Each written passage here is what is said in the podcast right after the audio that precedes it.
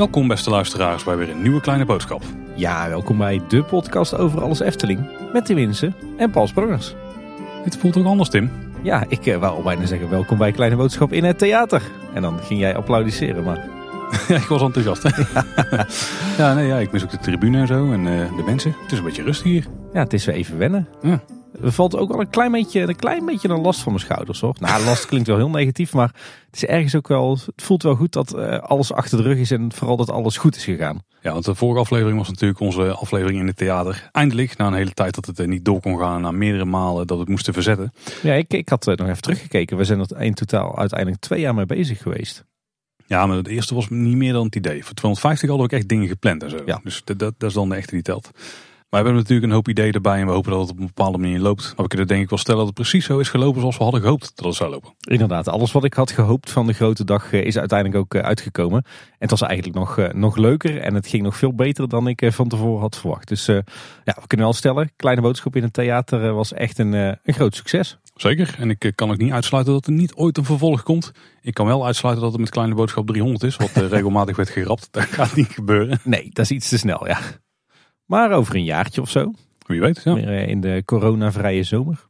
Nou, lastig even spannend, maar dan laten we het daar maar niet over hebben. Tim, we hebben ook nog eh, follow-up. Jazeker. Uh, onze vorige nieuwsaflevering, dat was aflevering 280, inmiddels ook alweer drie weken geleden, hadden we het natuurlijk uitgebreid over de uh, mogelijke uitdagingen die, die de Efteling voor zich heeft op het gebied van stikstof. en daarbij hebben we het natuurlijk uitgebreid gehad over de, de consequenties voor de Eftelingen en de impact die dat misschien gaat hebben op de bedrijfsvoering. Uh, weet je, als, als, als tegenpol of als advocaat van de duivel zag ik van de week een heel interessant artikel in de krant Trouw. Over de effecten van stikstof op de natuur en dan specifiek op de Loonse en Drunense duinen. Ik denk het is misschien wel leuk om de link naar dat artikel in de show notes te zetten. want dan kun je ook eens de andere kant van het verhaal lezen. Wat heeft stikstof nou voor invloed op het natuurgebied dat natuurlijk naast de Efteling ligt? Interessant artikel. Volgens mij is het artikel wel achter een betaalmuur. Of kun je dan door incognito modus aan te zetten wel checken? Ja, volgens mij kan je wel een, een gratis abonnementje nemen voor, een paar, voor, voor een paar weken of zo. Ook wat follow-up op aflevering 281. Het ging over onze favoriete attracties, Tim. Ieder twee top 10's. Ja, twee, ja, we moeten de tijd wel vullen natuurlijk. Hè. maar iemand die natuurlijk ook ieder jaar een attractie toplijst maakt is Cornel van Vleteren. Dat is op Twitter. Daar kunnen mensen dan stemmen en dan genereert hij daar uiteindelijk de, de uiteindelijke toplijst uit. En wat heeft Cornel nu gedaan? Die heeft onze top 10's gepakt. En die afgezet tegen de lijst die door de gemiddelde Efteling-liefhebber dus is samengesteld. En er zaten toch wel interessante verschillen en overeenkomsten in. Dus check even de Twitter-thread, die uh, zullen we linken in de show notes. Ja, volgens mij als ik het goed had gelezen, dan, dan uh, verklaarde hij de verschillen misschien wel als gevolg van onze leeftijd. We zijn misschien net ietsje ouder dan de gemiddelde Efteling-liefhebber op dit moment. Dat zijn niet de dingen die ik wil horen, Tim. nou, we gaan, gaan verder. We hebben namelijk net al over gehad, onze aflevering in het theater, aflevering 282. Hebben we er nog wel een paar follow-up puntjes op. Ja, ja, ja nou, nou sowieso. We zitten hier natuurlijk weer terug in de kleine boodschapstudio in alle rust. Maar het, het, is hier, het staat hier volgetast met allemaal cadeautjes hè, van luisteraars. Ja, luisteraars kunnen het gelukkig niet horen, maar we zitten op dit moment de koekjes op te eten die we hebben gekregen. Dit zijn, eens even kijken, Gooise moppies. En ik moet eerlijk zeggen, um, ik weet niet meer van wie we ze hebben gekregen, maar hartstikke bedankt. Smaken prima. en het uh, ligt hier ook vol met uh, flessen schrobbelair, groot en klein. En ook wel echt wat, uh, wat fanart. En dan nog niet eens Efteling fanart, maar kleine boodschap fanart. Hè? Ja, we hebben een handgetekende, een digitaal handgetekende kleine boodschap in een lijst. Met ons logo er ook bij. En wat we ook zeker niet mogen vergeten is natuurlijk de hele toffe oorkonde die we hebben gekregen ja. vanuit de Efteling. Ja, ik moet zeggen, toen we hem uitgereikt kregen aan het begin van, uh, van de aflevering, toen waren we allebei volgens mij wel een beetje overrompeld. Uh, enigszins, ja. Want het is natuurlijk nogal wat, een, een oorkonde uh, als blijk van waardering vanuit de Efteling. Zeker omdat het volgens mij waren wij de, de allereerste die niet in de Efteling werkte, die die, die oorkonde kregen. Ja, op dat moment werden we er een beetje door overvallen en moesten natuurlijk vooral door met de show. Maar ik heb er later nog even naar staan kijken en ik kreeg toch wel kippenvel van hoor. Ja, ik vind het nog steeds een heel vet ding. Die krijgt hier een mooie plek. Hij staat nu tegen de man, maar hij wordt straks echt opgehangen. Wordt het eerste object dat ik ophang hier in de studio. Ja, durf je het aan? Ja, ik moet toch een keer een schroefje ergens in de muur gaan rijden. Ja, precies. Hij is trouwens ook prachtig vormgegeven. Echt dat, uh, ja, dat de, de, een beetje jaren 50 gevoel. Echt Eftelings. Met de kleine boodschap uh, heel prominent in beeld. Maar dat heeft volgens mij niks te maken met het feit omdat wij hem nu gekregen hebben. Volgens mij staat hij er standaard op. In ieder geval ontzettend tof en een hele eer dat we die hebben gekregen. Dus dank jullie wel Efteling. We hebben inmiddels ook de foto's binnen van onze huisfotograaf Chris. En die gaan we binnenkort ook nog delen online. Dus hou die ook zeker in de gaten. Niet allemaal, maar een kleine selectie daarvan. Ze zijn heel tof geworden, dus ook daar dank voor. Ja, nogmaals dank voor de crew hè, en de mensen van het klavier. Ja, ja, ik moet zeggen, ik had het wel onderschat hoor. Want wij, wij begonnen s ochtends om, om tien uur in het klavier. Het, de deuren zouden natuurlijk om twaalf uur open gaan en we zouden om één uur beginnen. We hadden een crew van een mannetje en vrouwtje of tien. Ik denk, nou, dat doen we met twee vingers in onze neus. Maar er was stiekem toch nog best wel veel uh, te regelen om het allemaal tot in de, de puntjes perfect te krijgen. Uiteindelijk is het gelukt, maar we hebben geen minuut rust gehad. Hè? Het was even flink doorpezen. Maar goed, uiteindelijk, als je dan het, het resultaat ziet op dat moment, en zeker achteraf. En je denkt, alles is geworden zoals we wilden en alles klopt. Ja, dan, dan, dan is het niet voor niks geweest. Maar inderdaad, we zijn de crew. Uh, ontzettend dankbaar. Ik kreeg trouwens ook nog wat, wat vragen. Niels Kooijman liep natuurlijk rond met, uh, ook weer met zijn team. Uh, diverse luisteraars vroegen, is ook de hele aflevering gefilmd? Oh, Tim, ik moet jou hier nu stilzetten. Want dit is iets wat Niels zal van gaan vertellen natuurlijk. Maar er is niet een complete registratie gemaakt van, van Kleine Boodschap in Theater. Dat kan ik je wel vertellen. In ieder geval niet op video. Dat was alles wat ik wou vertellen, oh, Paltje Sprangers. Oké, dan ga ik zeggen, hou Niels in de gaten. Want die gaat waarschijnlijk nog wel wat toffe dingen melden binnenkort. Precies. Maar in ieder geval, nogmaals een enorm dankjewel aan iedereen die heeft meegeholpen op 2 juli. Maar er is ook echt een follow-up Tim buiten gewoon een beetje praten over hoe het allemaal is gegaan. Ja, uh, ik kreeg ineens een ingeving van de week. Vertel. Ik uh, liep de meandering van Droomvlucht binnen met de twee kleine meiden. En ik weet nog dat wij een jaar geleden hebben gezegd van... wat hebben ze toch ineens een lelijke noodverlichtingsarmatuur opgehangen boven de deur... als je zeg maar vanuit de grote inkomstenhal van Droomvlucht de meandering inloopt. De keukendeur. Ja, de keukendeur mm. inderdaad. Maar wat zat ik nou van de week te bedenken... naar aanleiding van het verhaal van Jonas... Dat is natuurlijk die 3D-teller. Die, ja. uh, die het aantal wachtenden registreert. Zeker, ja. ja. En wat ik nog wat feedback van een luisteraar Martijn gekregen. En dan moet ik bekennen, dit is iets wat wij in de redactie volgens mij hadden besproken, maar dat hebben we nooit opgenomen. Maar die had de oude tekeningen van Bekkerij Krubel nog eens bijgepakt. En je kon daarop inderdaad zien dat uh, de, de plannen die um, Robert Jaap had, dus met die, uh, die mogelijkheid om met de glijbaan de bekkerij binnen te glijden, dat die daar gewoon op zichtbaar zijn. Je kunt er heel duidelijk zeg maar, een portatie zien waar je door omhoog kunt klimmen. Waar je, waar je de trap gewoon eigenlijk ja. bijna kunt zien zitten. En dan zie je ook de glijbaan een beetje zo weglopen het gebouw in. Heel, heel tof. Als je die uh, link even checkt in de show notes, dan vind je zijn Twitter bericht waarbij hij screenshots heeft gedeeld. Hey, maar Paul, ik denk dat we meer dan genoeg hebben gemijmerd uh, over onze aflevering in het theater. Ik denk dat het tijd wordt voor ja, het hier en nu. Het nieuws van de Efteling van de afgelopen drie weken maar liefst. Ja, dan is er één ding wat we de vorige keer dus nog precies net niet wisten. Want volgens mij is een dag na de opname van de vorige nieuwsaflevering bekend geworden. Maar de zomer Efteling is aangebroken. En we weten nu het hele programma, want we zitten er middenin. Precies, precies. En we hebben het allebei ook al, uh, al gezien uh, in werkelijkheid. Zeker. Ook wel opvallend. De Efteling noemt uh, het nu ook echt officieel zomer Efteling. Die oude term die is weer echt van stal gehaald. Dus we hebben de zomer Efteling, de winter Efteling en de Vanille Efteling? nou ja, we, we, hebben natuurlijk een aantal jaar gehad dat de Efteling ook echt de lente Efteling en de herfst Efteling ja, vierde. Maar goed, dat is momenteel niet het eh, geval. Maar we hebben weer een zomer Efteling en een, eh, een winter Efteling inderdaad. Ja, voordat we gaan kijken naar alles wat er te doen is en te zien is tijdens de zomer Efteling. Er is wel één heel interessant verschil met de vorige edities. Met dus de, de negen pleinenfestijnen. Er is iedere dag en niet alleen in de avond extra entertainment. Gewoon Precies. de hele dag door van alles te doen in het hele park. Ja, en ook niet alleen op, eh, op vrijdag en zaterdag, maar gewoon de hele week door. Zeven dagen in de week inderdaad van s ochtends vroeg tot s avonds laat. Uh, dat is heel anders dan wat we gewend zijn. Hè? Uh, daardoor is het ook, heb je ook niet dat gevoel van op vrijdag en zaterdagavond is er een festival in de Efteling of zo. Maar ik moet zeggen, voor ons als uh, jonge ouders is dit wel echt een uitkomst. Want ik weet nog dat het voorheen altijd ja, toch wel even een logistieke uitdaging was van wat doen we nou? houden we de kinderen wat, wat langer wakker en mogen ze nog een uurtje blijven in de Efteling? Waardoor dat het altijd puzzelen was welke hoek van het park ga je bekijken. En dan doen we volgende week doen we die op dat plein en de week erop dat plein. Of je moest weer oppas regelen als je zelf de hele avond wilt blijven hangen. Maar nu kun je eigenlijk gewoon ja, tijdens je Eftelingdag overdag al alle acts zien in het hele park. Ja. Wat mij betreft absoluut een uitkomst. Uh, ik denk dat er ook wel het, uh, een behoorlijk prijskaartje aan hangt voor de Efteling. Hoor. Het is natuurlijk nogal een verschil of je ongeveer 15 avonden entertainment regelt.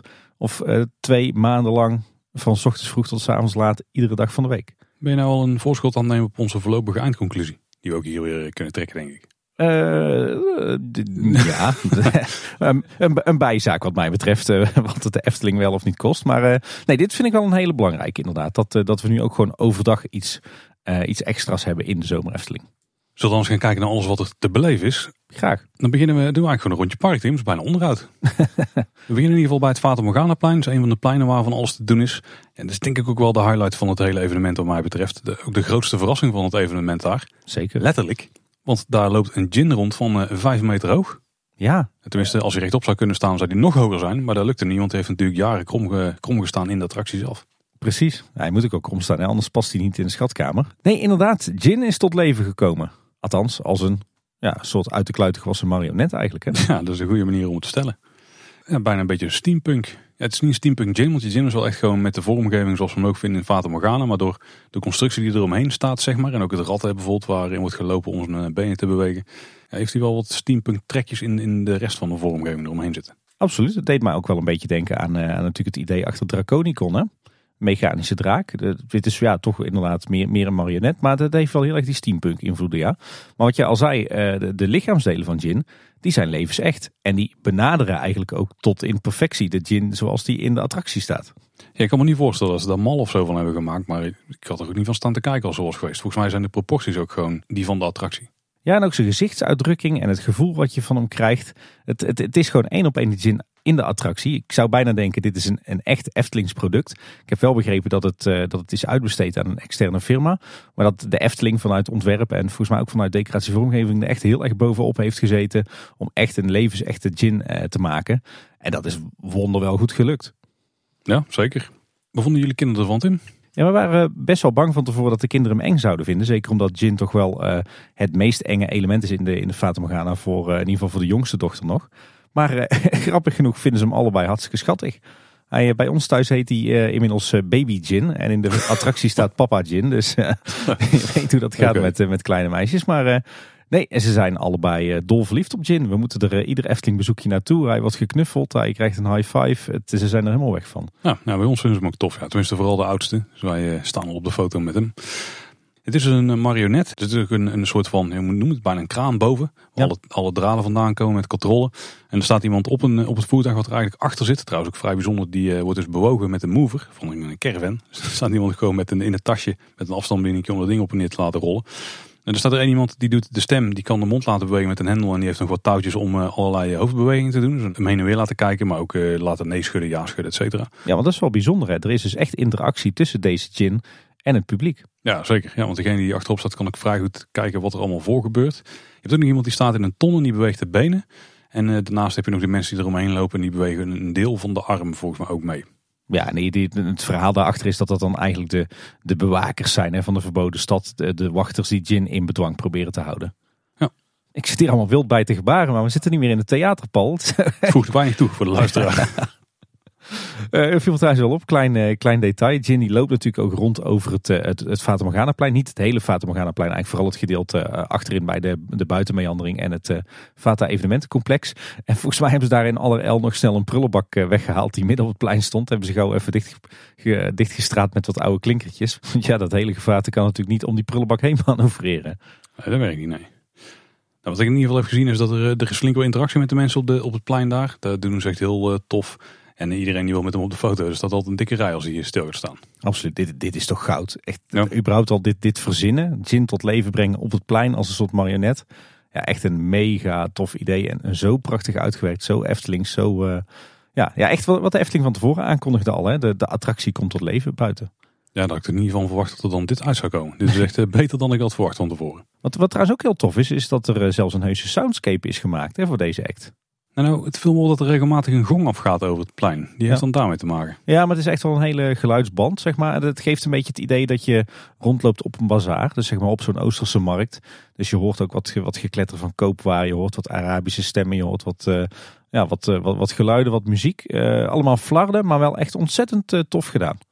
Zeker, ja. Wat ik trouwens ook wel grappig vind, is dat, uh, tenminste als ik mijn oudste dochter mag geloven, dat we nu eindelijk weten waarom Jin twee van die rode lellen aan zijn, uh, aan zijn hoofd heeft te hangen. Nou, dan wil ik de inzicht wel eens horen. Dat is haar namelijk verteld door Jin zelf. Daarin zit, uh, zit water. Want als hij door de woestijn moet, moet bewegen, dan haalt hij daar de vocht uit. dus het is eigenlijk een soort, ja, soort kameel. Een soort kamelenbult. Dus, okay. dat hebben we geleerd, van de act in ieder geval. En wat ze ook hebben toegevoegd eigenlijk voor de hele zomer Efteling zijn allerlei echt super strak vormgegeven vaandels.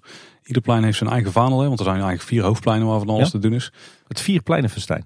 Ja, nou, technisch gezien hebben we ook nog Efteling Wonderland, wat dan de vijfde is. Zo wordt hij ook aangegeven in de Efteling-app. Want dan kun je checken wat er overal te doen is.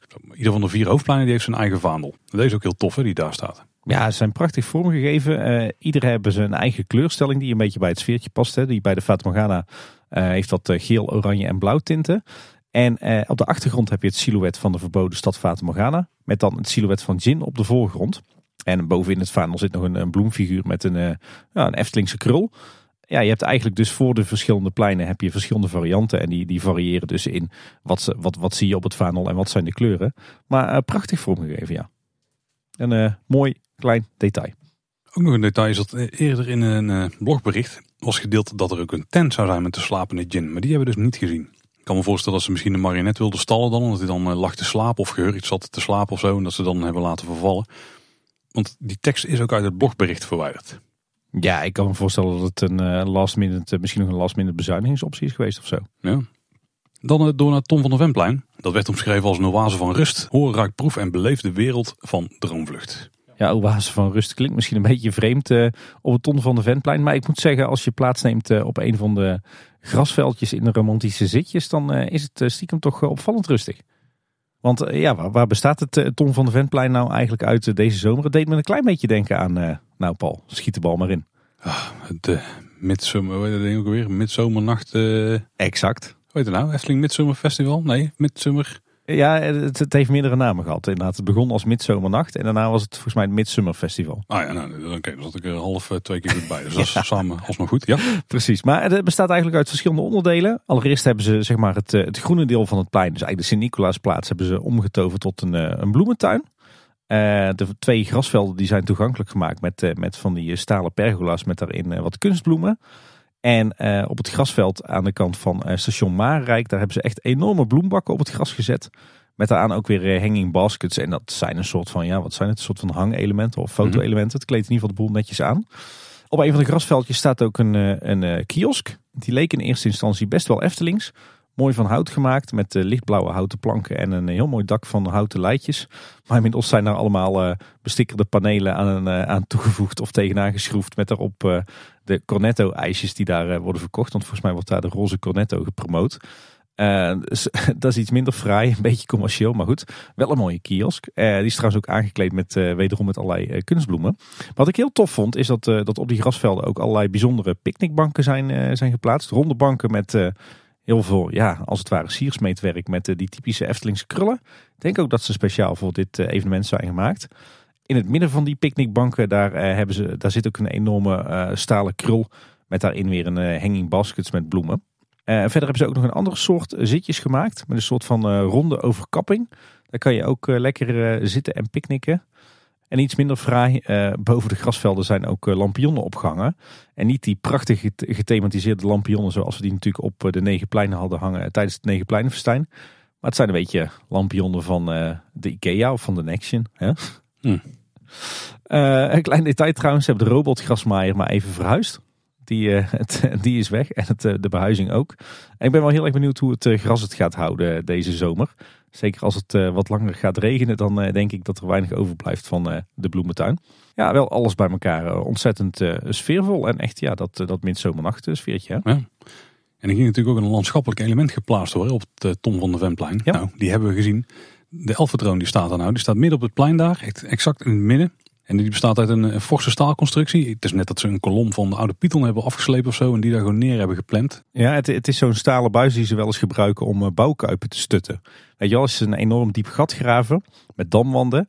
En ze willen voorkomen dat die damwanden naar binnen klappen. Dan hebben ze van die hele dikke bruin verroeste buizen. Ja, waar ook zo'n naad op zit die dan altijd zo omhoog eh, krult eromheen, zeg maar. Precies, nou daar hebben ze een stukje van afgeslepen. En die hebben ze rechtop gezet, groen geschilderd. En dat is eh, de Elfentroon. Er zit ook een deur in, hè? dat is bij een onderzeeër, zeg maar. Zo zwaar uitgevoerd ook. Volgens mij klimmen ze daar dan door naar boven. Dat heb ik Ja. nog niet gezien. Ja.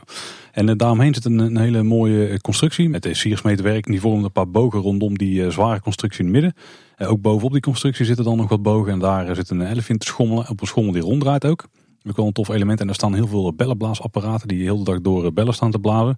En ook allemaal aangekleed met kunstbloemen, hedera, met eh, uiteraard Pyronicus Tim. Jazeker. En eh, de klassieke droomvlucht bollampen natuurlijk. En je kunt er ook mee schommelen met, een, met elfjes. want er zijn een aantal schommels waar je gewoon kunt gaan zitten. Er is er eentje die we ook wel eens gebruiken voor een soort foto-opportunity met een elfje. Ja, het is wel ook een tof element in het geheel. Ja, ja, en de elfjes, soms is het er één, maar soms zijn het er ook meer. Volgens mij op het hoogtepunt heb ik er drie gezien. Oh, okay. Alle drie in eenzelfde soort outfit, maar wel in andere kleurstellingen. Dus daar is ook veel zorg aan besteed. Ja, een hele toffe act. De kinderen die gaan er ook weer goed op. Ja, en gewoon iets wat continu doorgaat. Hè, waar niet heel even iemand voor is en dan weer weggaat of zo. En hier ook weer een aantal van die elementen die terugkeren. Want ook hier op dit plein hebben we een speciale soundscape die voor, dit, voor de zomer Efteling is vormgegeven. Met onder meer een heel tof arrangement van de Elfentuin. Ik heb hem nog niet goed genoeg beluisterd, maar het is inderdaad wel anders dan hoe je hem kent in de attractie. Ja, weer die Midsummer vibes hè? Ja, maar het is wel toch vrij klassiek. Alleen het is vooral dat de, de, de opbouw en zo is anders van het stuk. Ja, andere instrumenten gebruikt en zo. Maar uh, nee, heel stijlvol gedaan. En ook hier trouwens weer die uh, prachtig vormgegeven vaandels die uh, rond de Elfentroon zijn geplaatst.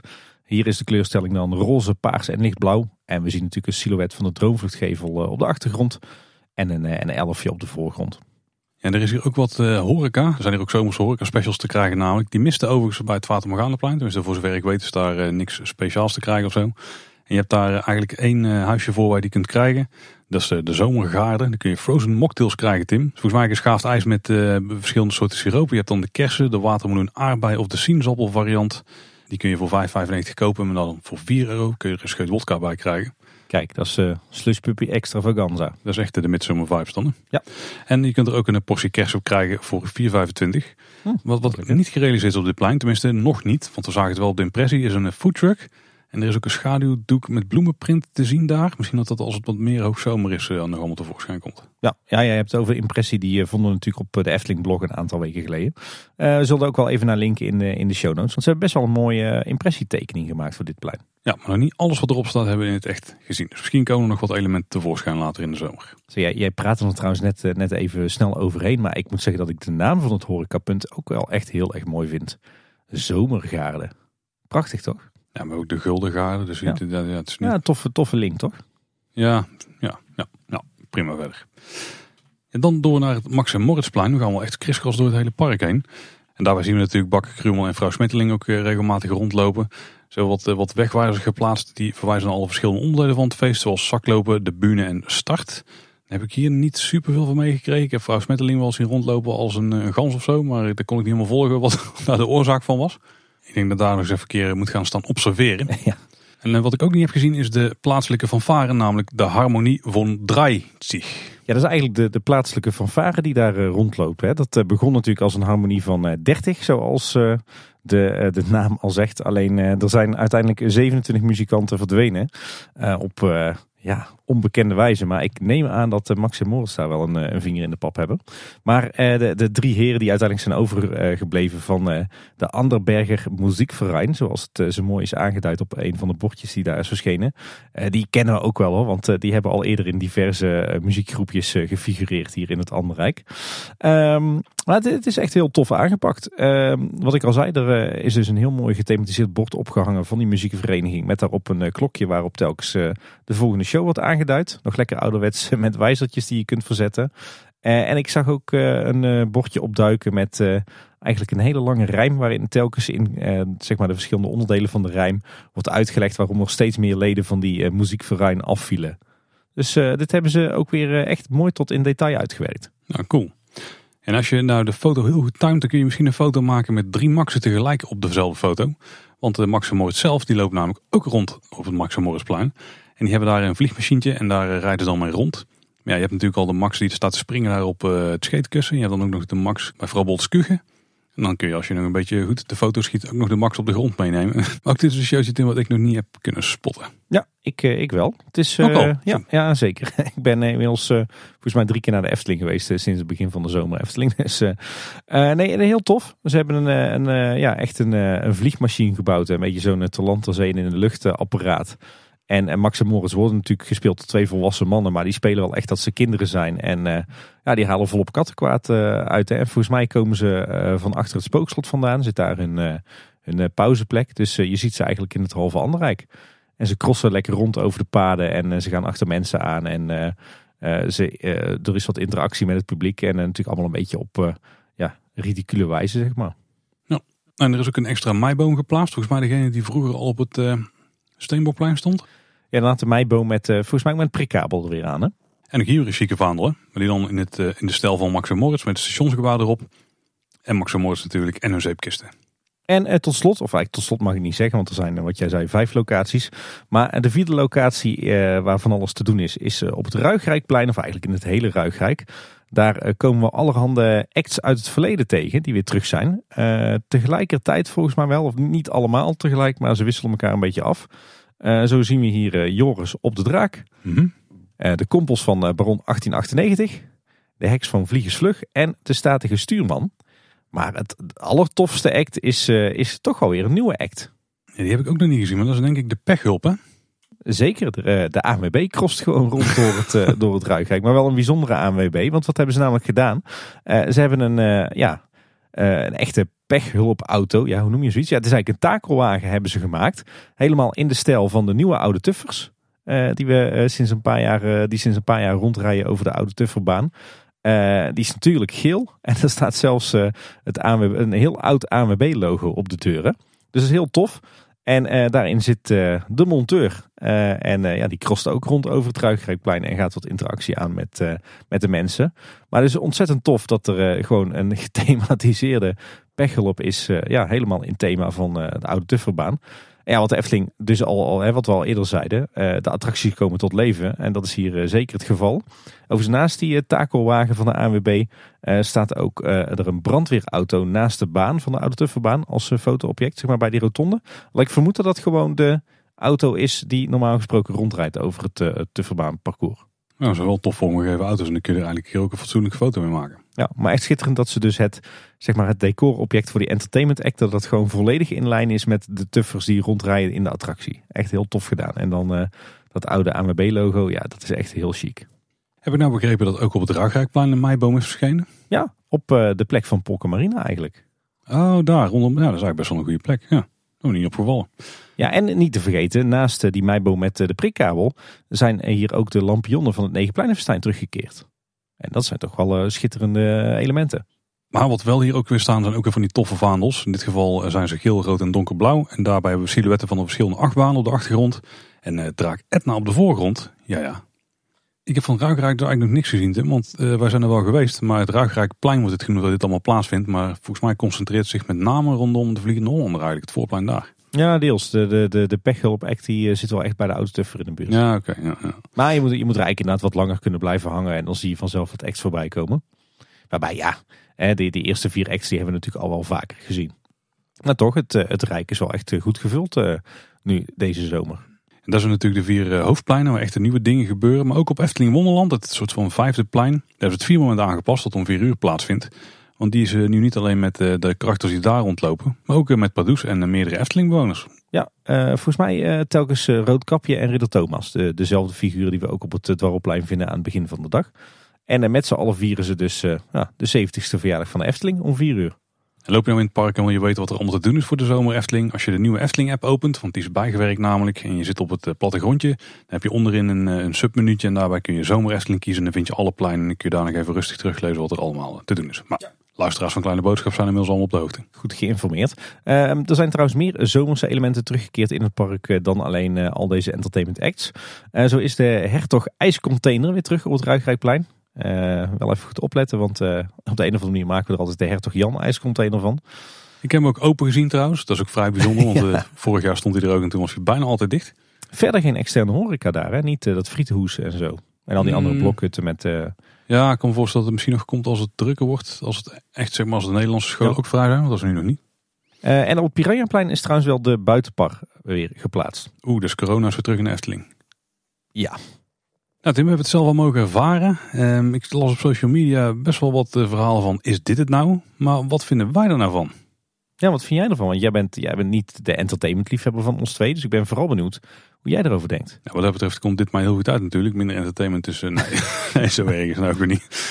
Nee, ja, ik, uh, ik, ik moet zeggen, er is inderdaad er zijn maar vier plekken waar iets te doen is. Ik ben heel blij met dat er overdag ook van alles al te zien is. Wat mij betreft wel echt meerwaarde, want het alleen maar laten concentreren in de avonden. Daarmee missen ook heel veel uh, gezinnen. Eigenlijk zoals jij net al vertelde, mis het ook gewoon. Maar je hoeft ook niet uh, te gaan wachten. Je hebt veel meer tijd om alles te gaan zien. En ik moet zeggen dat de vormen die ze hebben gekozen om het, uh, om, om, het entertainment aan te bieden, leent zich ook veel meer om daar even rust te nemen. Vooral Tom van de Wemplein is een goed voorbeeld daarvan natuurlijk. Want er is gewoon echt een, ja, een beetje bijna zo'n lounge sfeertje wordt daar gecreëerd. Al zit je nog wel steeds op harde oppervlaktes, maar tenzij op het gas gaat zitten trouwens. Nou, kan dus wel. Um, maar dat, dat nodigt echt wel uit om even gewoon tot rust te komen daar, zeg maar. Bij, bij het Max Morrisplein is het ook gewoon entertainment waar je bij je prima even op zo'n bankje kunt ploffen en uh, wat eten. En dan ondertussen gewoon een beetje kijken wat er allemaal gebeurt om je heen. Dus, dus dat trekt me op zich wel. Het is bijna meer ik, ik, weet niet of het een echte vakterm is, maar het is bijna een soort ambient entertainment. Het, het verhoogt gewoon de sfeer op die pleinen zonder dat het echt super in je face is. Je hoeft er ook niet uh, per se voor in een groepje om, om, uh, om iets heen te gaan staan of zo, zeg maar. Wat er dan vaak wel was bij het Negen Pleinenfestijn. Ja, en, en omdat het zeg maar uh, zo goed aansluit op de attracties en, en het thema waar, het zich, waar, waar de act zich bevindt. daarom draagt het ook weer bij aan dat hele immersieve. Absoluut, ja. En is het te weinig? Ja, dat weet ik eigenlijk niet. Ik denk dat we ook wel vrij verwend waren met de negen pleinen. Want uh, misschien als je het helemaal gaat uitsplitsen naar het aantal verschillende acts wat er is, is het, is het misschien wel meer. Ja, nou, dat, dat zal het dan misschien net niet zijn. Nou, ik denk qua, qua uren entertainment, als je dat bij elkaar optelt, qua oh, ja, nee, uh, acteurs en actrices, dan denk ik dat dit wel echt meer is dan negen pleinen. Ja, dat zou zo maar kunnen, ja. Waar ik meer naartoe wilde is dat ik dit vooral zie als een soort van opmars naar de toekomst van entertainment in de Efteling in de zomer. En misschien ook wel in de winter. Interessant. Want wat ik me heel erg goed kan voorstellen, en als je de kaart van de Efteling erbij pakt en je kijkt naar waar de puntjes staan waar nu het entertainment is, dan zie je ook wel dat daar nog twee een beetje blinde vlekken zijn. En dat is eigenlijk het hele reizenrijk en uh, ook uh, fantasierijk. Want als je gewoon bij Symbolica staat, dan gebeurt daar nu niks. En ik kan me best voorstellen dat ze dit een beetje zien als startpunt. Maar dat ze nog twee extra pleinen of twee extra gebieden misschien wel meer willen vullen. En dat ze ook de huidige gebieden misschien nog wat extra willen aankleden. Want als we ieder jaar zo'n gin-achtig stuk entertainment erbij krijgen. Of misschien nog een pleintje vergelijkbaar met wat ze nu bij Tom van de Venplein hebben gedaan. Ja, dan is, kan ik dat alleen maar toejuichen. En dan hebben we met twee extra pleinen hebben denk ik een heel compleet aanbod straks. Waarbij ze nu al wat minder heftig beginnen, waardoor ze de kosten nog wel kunnen drukken. Al denk ik dat de, het kost van de kosten in de manuur inderdaad gaan zitten en niet per se in de aankleding. Ja, die elementen aankleding hebben ze nu al wel. Dus dat is volgend jaar gewoon een kwestie weer van stal afhalen. En dan kunnen ze dan misschien weer één of twee nieuwe dingen uh, bij doen. En als ze dat zo uitbreiden over een uh, periode van dus nog twee jaar in de toekomst. Nou, dan denk ik dat we echt uh, een heel tof entertainmentprogramma hebben. Waar ze op dat moment dan ook steeds wat stukjes van kunnen gaan vernieuwen. En dan denk ik dat het eigenlijk best wel een vorm is die, die lang mee zou kunnen. Ja, dit is denk ik ook een groeimodel. Hè. We komen natuurlijk uit de, de coronatijd, natuurlijk financieel slechte tijd. Ik snap ook wel dat ze, dat ze rustig gaan beginnen. We hebben natuurlijk twee jaar op rij een zomer gehad waarin er niks extra's te beleven was denk op het moment dat ze, dat ze dit aan het voorbereiden waren, dat ook nog niet helemaal zeker was of we nu een coronavrije zomer zonder restricties zouden hebben. Dus ik snap wel dat ze het inderdaad misschien even uh, rustig opstarten. Iets waar ze bij de Efteling natuurlijk wel vaker een handje van hebben. Hè? Bij uh, evenementen, entertainment, uh, de winter. Ja, gewoon met wat minder grote financiële investering, maar toch nog steeds ja. iets tofs aanbieden. Want het is nog steeds, als je het gewoon bekijkt, je hebt de Efteling zoals die is. Nou, dat is op zich wel prima natuurlijk. Hè? En vergeet ook niet, je hebt dan nog steeds Ravelijn en je hebt Efteling Wonderland. Um, je hebt de Sprookjesboomshow, je hebt Aquanura die ook weer draait. Overigens daar ik nog iets over. En dit krijg je er allemaal nog bij, weet je wel. Dus wat dat betreft, ja, ik vind het wel prima, maar ik ben ook niet zoveel eisend qua entertainment misschien. dus dat scheelt. Maar ik vind het eh, vooral een hele toffe start, denk ik, van een nieuwe vorm waarin we extra entertainment krijgen in de zomermaanden. Ja. En eh, nog heel even kort over Aquanura. Dat is echt een drama nou op dit moment. Wij waren in het park, we waren er best wel laat, we wilden Aquanura kijken. Dus wij liepen terug vanaf Symbolica richting de uitgang. Ja, moet je dan maar eens Aquanura gaan kijken. Enig idee hoe je dat doet? Ik, eh, ik, zit, ik zou het niet weten, want ik, heb, eh, ik ben iedere keer eh, net te vroeg weggegaan voor Aquanura begon. Maar ik, uit jouw woorden begrijp ik een beetje dat je vanuit het andere rijk moet komen om Aquanura te kunnen zien. Ja, dan moet je op zijn minst, nou, nou eigenlijk moet je naar Fata Morgana lopen om dan of überhaupt bij de Aquanura vlonder te kunnen komen op dit moment. Want je kunt gewoon niet vanaf het Dwarrelplein erheen. Er is geen enkele mogelijkheid daarvoor. Hm. Dat is hm. vrij onhandig, zeg maar. En er staan, en het ergste is, er staan ook nog gigantisch grote bouwschuttingen. Dus je ziet ook echt serieus niks. Nee, nou, ik denk dat dit wel een, een, situatie is die over een paar weken is opgelost. Als ja, de, hele, de hele routing over het dwarrelplein hebben aangepast. Maar eh, nee, ik kan me voorstellen dat het nu inderdaad een beetje, beetje jammer. Het is zo van Aquanura voor open in het begin van de zomer. Maar je hebt er effectief vrij weinig aan. ik denk dat er op dit moment echt maar ook... Ik weet niet of we normaal gesproken kunnen kijken. Maar ik denk dat er maar een derde van wat normaal gesproken naar Aquanura kan kijken. Nu ook daadwerkelijk plek heeft om te kijken.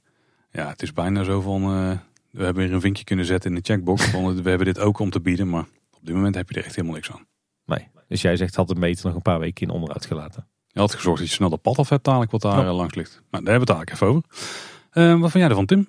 Ja, ik eh, ga toch even een uh, kleine boodschap uh, bingo kaart uitdrukking van, van stal halen. Nee, ik moet zeggen, in het begin hinkte ik best wel op, op twee gedachten. Um, in eerste instantie was mijn gevoel toch van, ja, wat je al zei, is dit het nou? zeker toen het werd aangekondigd op de blog. Ik dacht, een nieuw zomerprogramma. Ik wil weer echte zomeravonden met podia op alle pleinen, met, met artiesten, met ja, echt een, feestje, dat festivalgevoel zoals we dat kennen van Negenpleinenfestijn en van de zomeravonden voorheen met alle grote podia en alle muziek. Ik, heb, ik heb het al vaak zat gezegd, de Efteling is een prachtig park. Het wordt s'avonds alleen maar nog mooier en het is echt wat mij betreft een prachtig canvas voor ja, zoveel evenementen, voor, voor, de, voor de daggasten, maar misschien ook wel voor hard ticket events.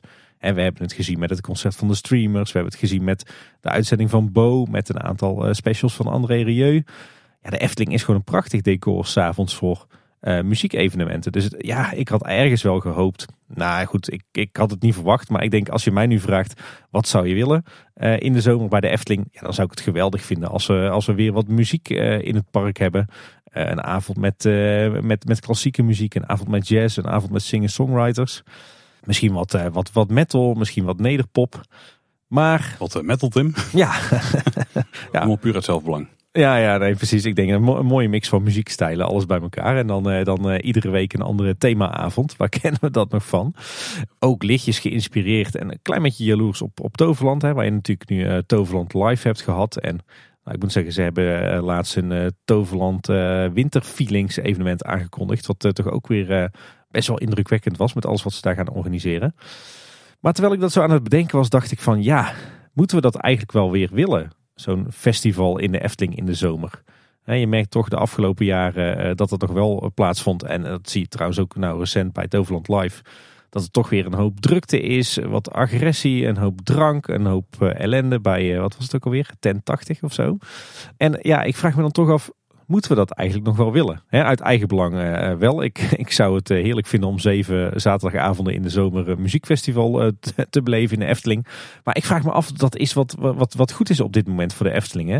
Want als je kijkt naar, naar de, de, de, de belangrijkste doelgroep van de Efteling, hè? de extended family, dus de, de gezinnen met ook opa en oma erbij.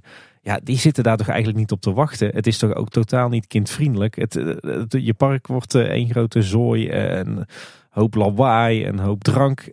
Eigenlijk is dat toch niet wat, uh, wat we in de Efteling uh, moeten willen. Dus ja, ik was er eigenlijk voor mezelf vrij snel uit. Uh, misschien moeten we nog maar even wachten met die hard ticket events, met het muziekfestival in de Efteling.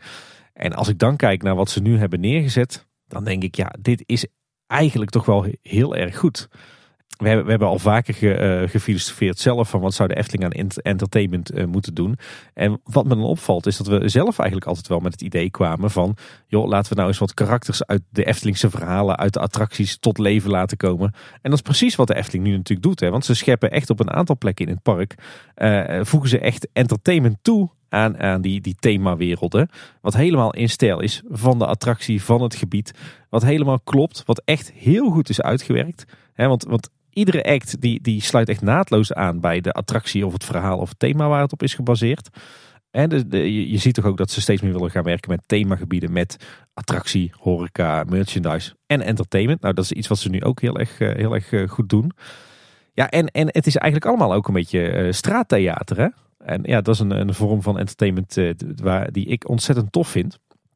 en ja, als ik dan zie wat ik de afgelopen paar dagen heb meegemaakt uh, met, met, met de hele dag door uh, overal entertainment in het park. Met dus die leuke straattheateracts met veel interactie.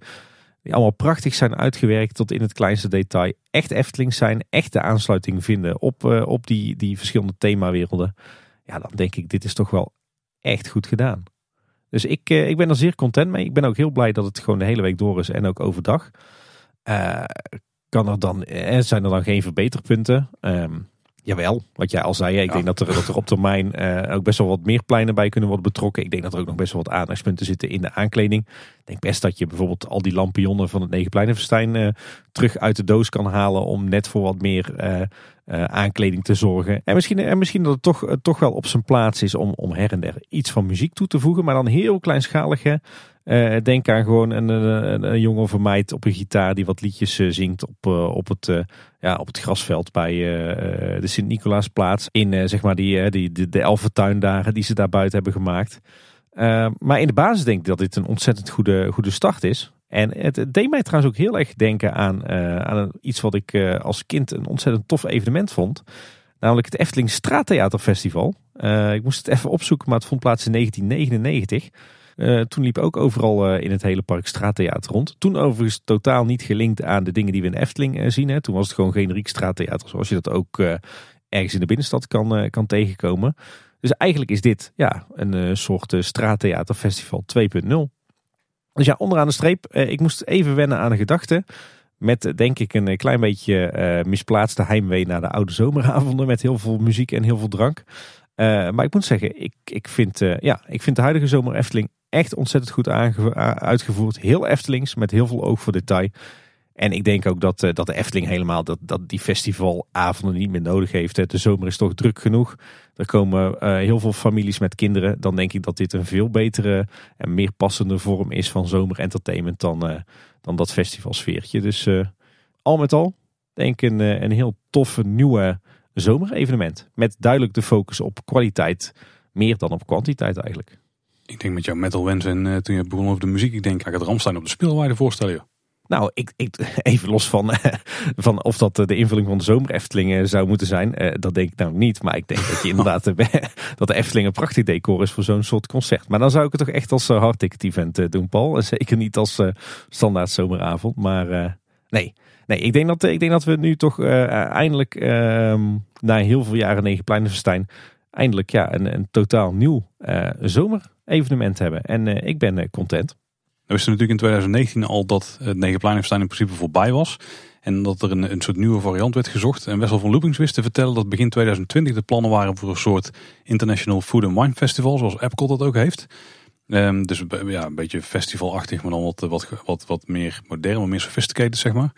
En dit, is dit natuurlijk niet. Dan kan ik me ook voorstellen dat bijvoorbeeld de plannen van Efteling Wonderland ook eh, flink wat eh, van het entertainmentbudget hebben opgeslokt over het hele jaar gezien. En dat daardoor misschien we nu nog een beperkte variant krijgen. Dus dat dit een beetje voelt als de kaasschaaf variant. Maar ik denk echt dat dit het begin is van, uh, van iets wat nog veel groter gaat worden. Ja, het is gewoon het, uh, het groeimodel. Hè? Ja.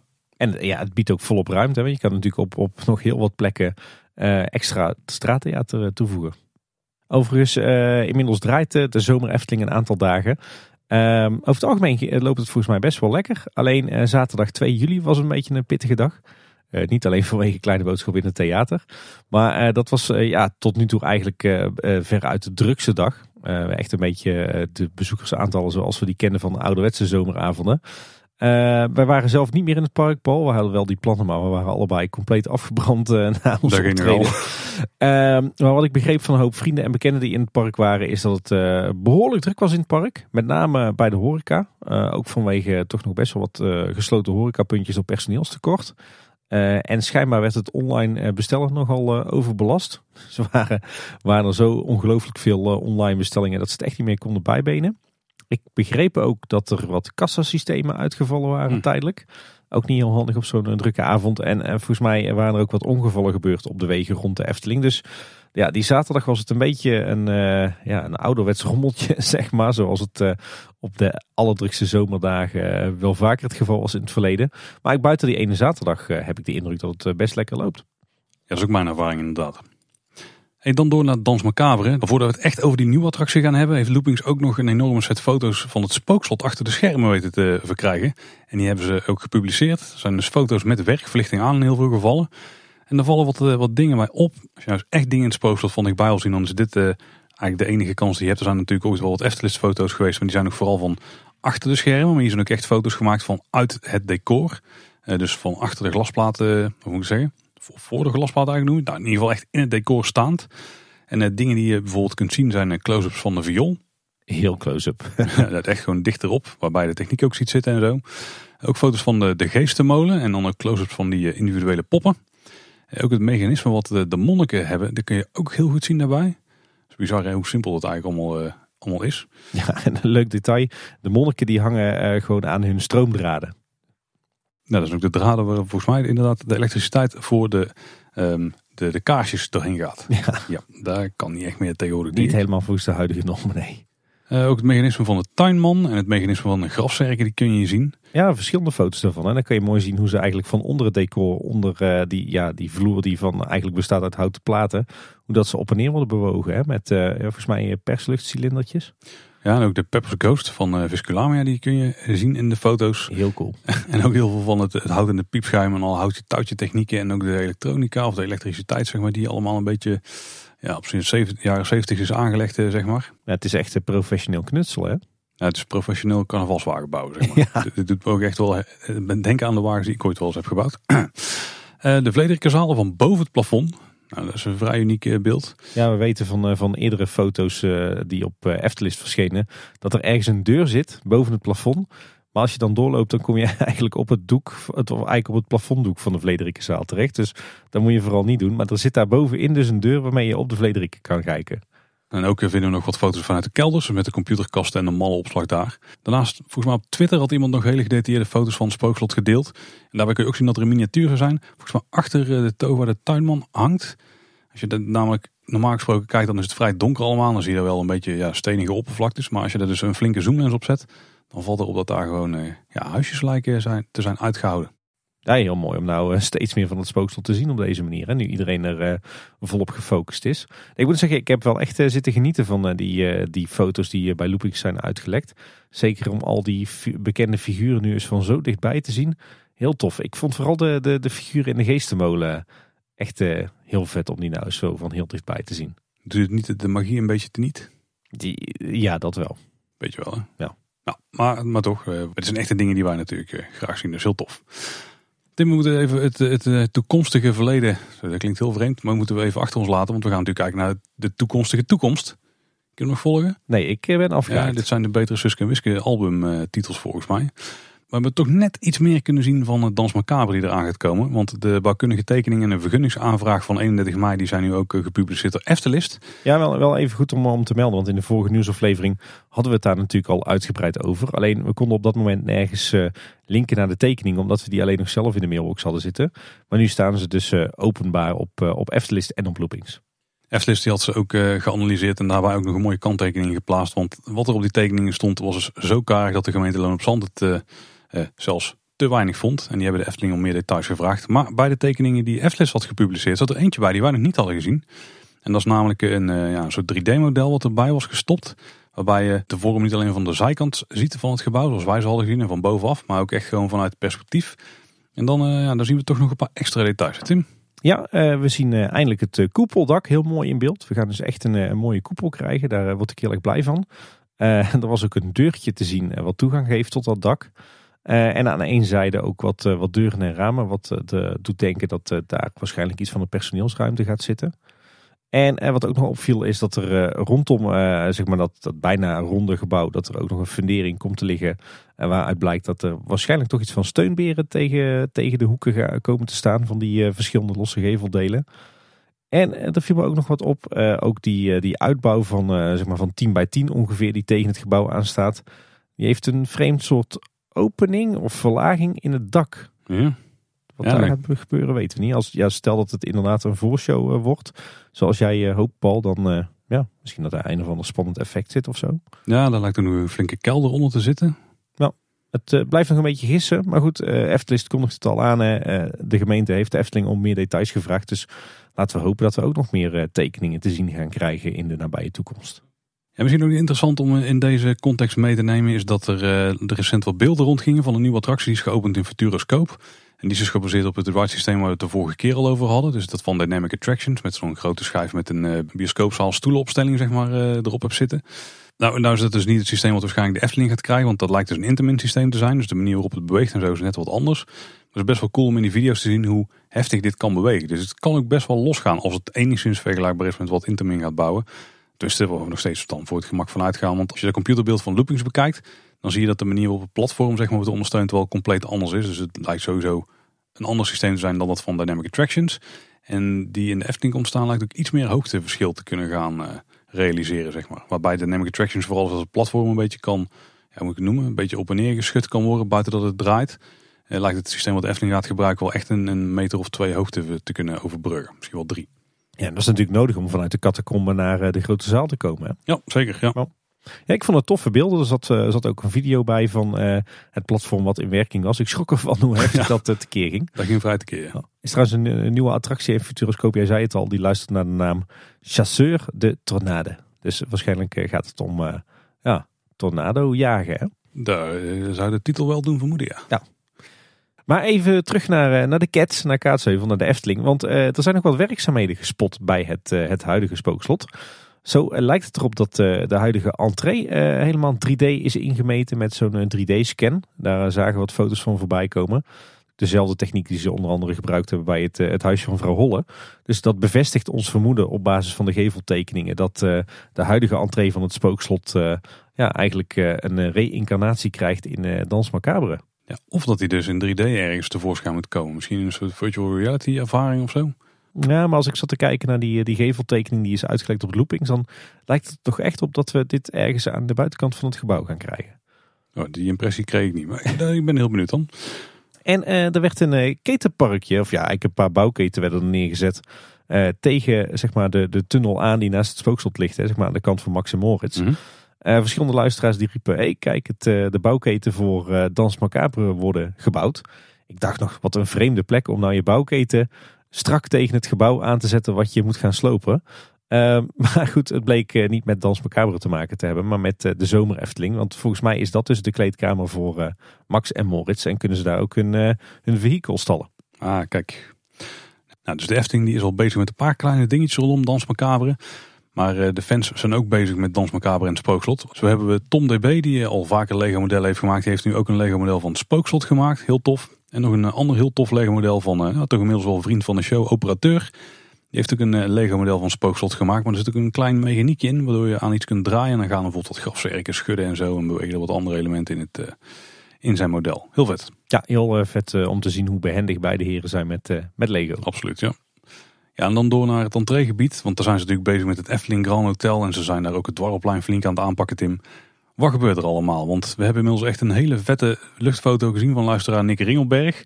Uh, check die zeker in de show notes, want dan krijg je echt een heel tof blik op de bouwplaats. En dan valt pas op hoe groot het echt is. Maar daar zagen we dus een update vanuit de lucht. Maar ook vanaf de grond kun je zien dat er enorm veel is gebeurd. Zullen we even erheen gaan lopen? Ja, en laten we dan beginnen op het uh, parkeerterrein. Daar wordt natuurlijk uh, gebouwd aan het, uh, het gebouw. Wat het gebouwtje gaat vervangen wat inmiddels gesloopt is op het Wouwplein. Er worden inmiddels de buitenwanden en de binnenwanden aangebracht. ook wordt er gewerkt aan daken. Zo is het, het hoge dak. daar is een houten balklage ingelegd. En ze zijn nu druk bezig met het uittimmeren van de dakrand van het gebouw. een gedeelte van de bouwschutting die daar stond langs de parkeerpromenade ter hoogte van dit gebouwtje, die is inmiddels weggehaald en vervangen door bouwhekken. Zodat ze het natuurlijk straks in één keer open kunnen stellen voor bezoekers. En uh, ook het straatwerk tussen de parkeerpromenade en dit nieuwe gebouw is al gereed. Mooie rode gebakken klinkertjes met een lijngootje tegen de parkeerpromenade aan voor de waterhuishouding. En diezelfde mooie gebakken klinkertjes liggen trouwens ook in het, zeg maar het tussenstuk waar dat hoge dak boven zit. Dus waar we straks denk ik als bezoekers gaan komen en waar wellicht ook wel wat wandelwagens staan opgesteld.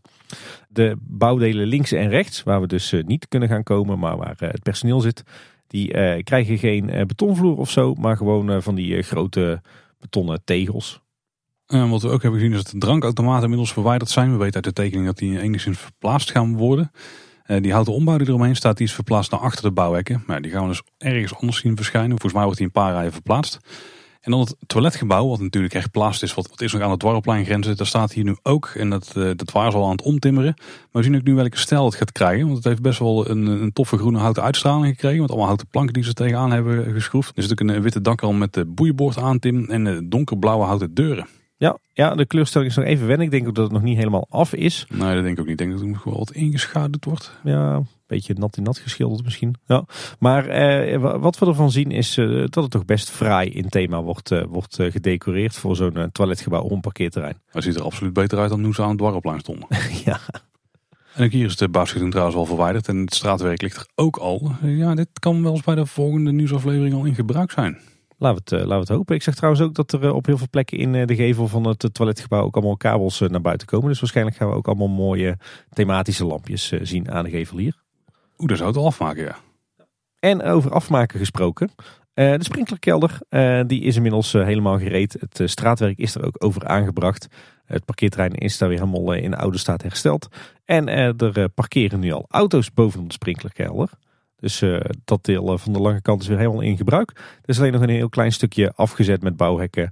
ter hoogte van de toegang van de technische ruimte, zeg maar, die, die zich ook onder het parkeerterrein bevindt. Dat is al nieuw voor op de bucketlist, dat ik daar een keer wil parkeren. Oh, ik, daar wou zeggen, ik dacht dat je wou zeggen dat ik daar een keer in die technische kelder kan. Ja, nee, dat geloof ik wel. Maar ook prima. Leuk toertje moet je te krijgen. Dan mag je wel je kaplaar aan, denk ik. Ja, in de technische ruimte hopelijk niet. Nee.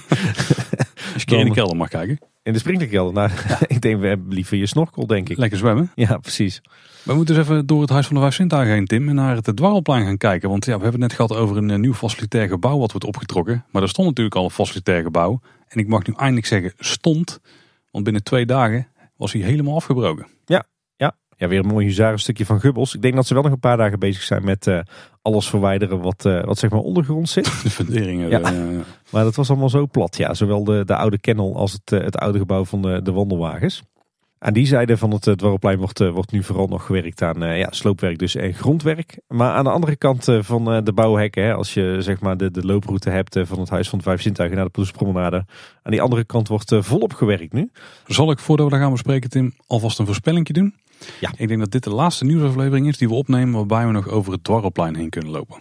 Ja, daar ga ik wel in mee. Ik, ik denk dat het Dwarrelplein dat een plek is waar we heel lang niet gaan komen.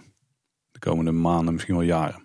Als het Dwarrelplein überhaupt nog terugkeert. Ja, in ieder geval wat, wat, het, wat het hoofddeel, de hoofdinloop van het Dwarrelplein was tot nu toe. Dat denk ik ook, ja. Het is nu in ieder geval één grote bouwput. Uh, ook aan de zijde zeg maar, van Aquanura. Uh, sowieso hebben ze ook daar een, uh, een bron geslagen voor het WKO-systeem, de warmte-koude opslag. Want ook in, in een plantsoen tussen Aquanura en het Warrelplein, daar vinden we nu zo'n enorme betonnen put met een stalen deksel. Mhm. waarmee ze dus bij die bron kunnen. Hopelijk wordt het ook nog een beetje weggeplant, want het valt wel heel erg op zo. Maar waar natuurlijk met name aan is gewerkt, is ja, zeg maar de, de nieuwe situatie waar uh, het, uh, het Dwarrelplein uh, uitkomt op de Aquanura vijver. Ja, je ziet dat ze, dat ze die hoek nu helemaal nieuw hebben ingericht. Hè. Er, de nieuwe balustrade is geplaatst langs de Aquanura vijver. er ligt ook een nieuwe vijverfolie in.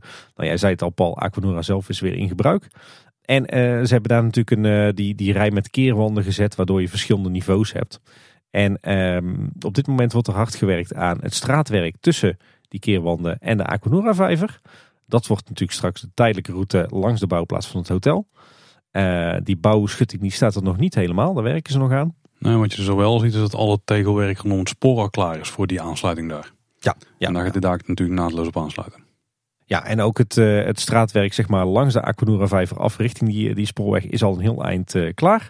Wel moeten die, de lichtmasten van Aquanura hè, met die moving heads, die moeten nog terug worden geplaatst. Um, maar dat, dat nadert echt al wel zijn voltooiing. En er wordt nu ook gewerkt aan een brede laan vanaf het Huis van de Vijf Zintuigen richting uh, de Dwarrelplein Vlonder.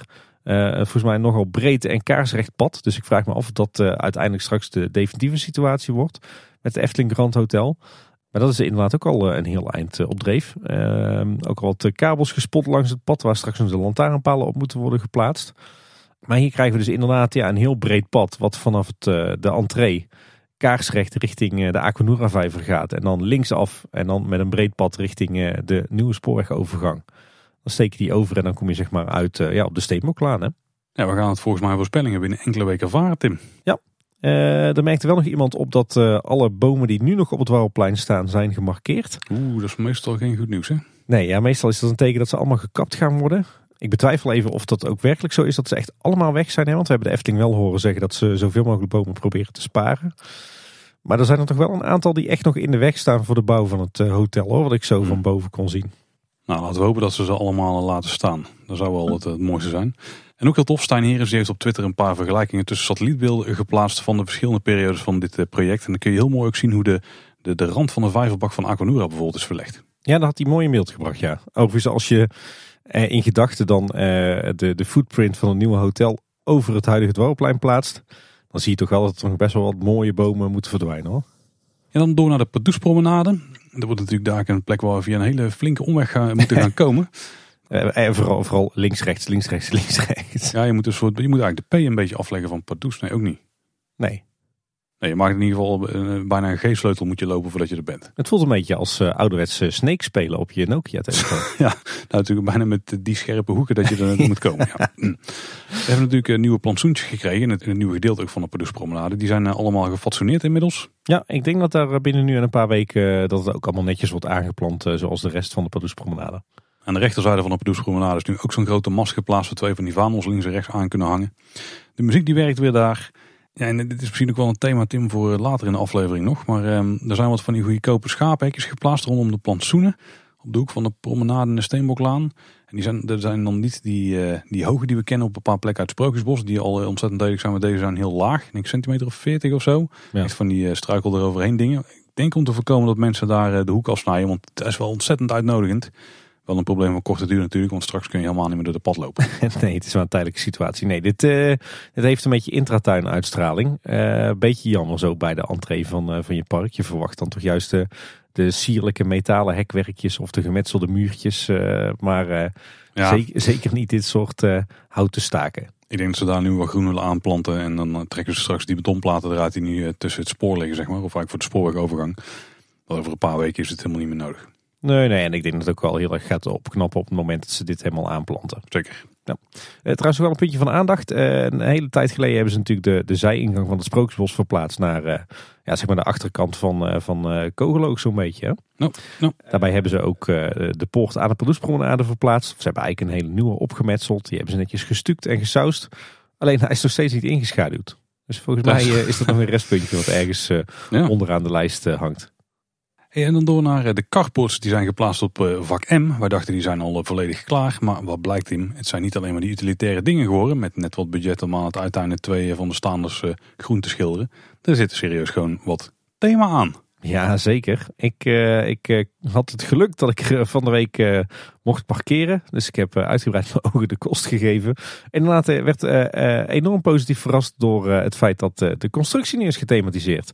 Want jij zei het al, uh, op de kop van, uh, van iedere rij met, uh, met zonnepanelen. Ja, daar hebben ze nu in, ja, je zou kunnen zeggen, het, het bovenste gedeelte van de T. hebben ze ja, met een soort uitgesneden staalwerk hebben ze ja, bijna echte Eftelingse krullen toegevoegd. Bijna echte?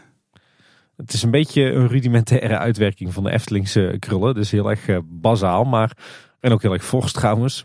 past ook wel bij het formaat van die carports natuurlijk. Maar ik moet zeggen, vanaf een afstandje voelt het echt uh, heel erg vrij in thema en ook best wel Eftelings.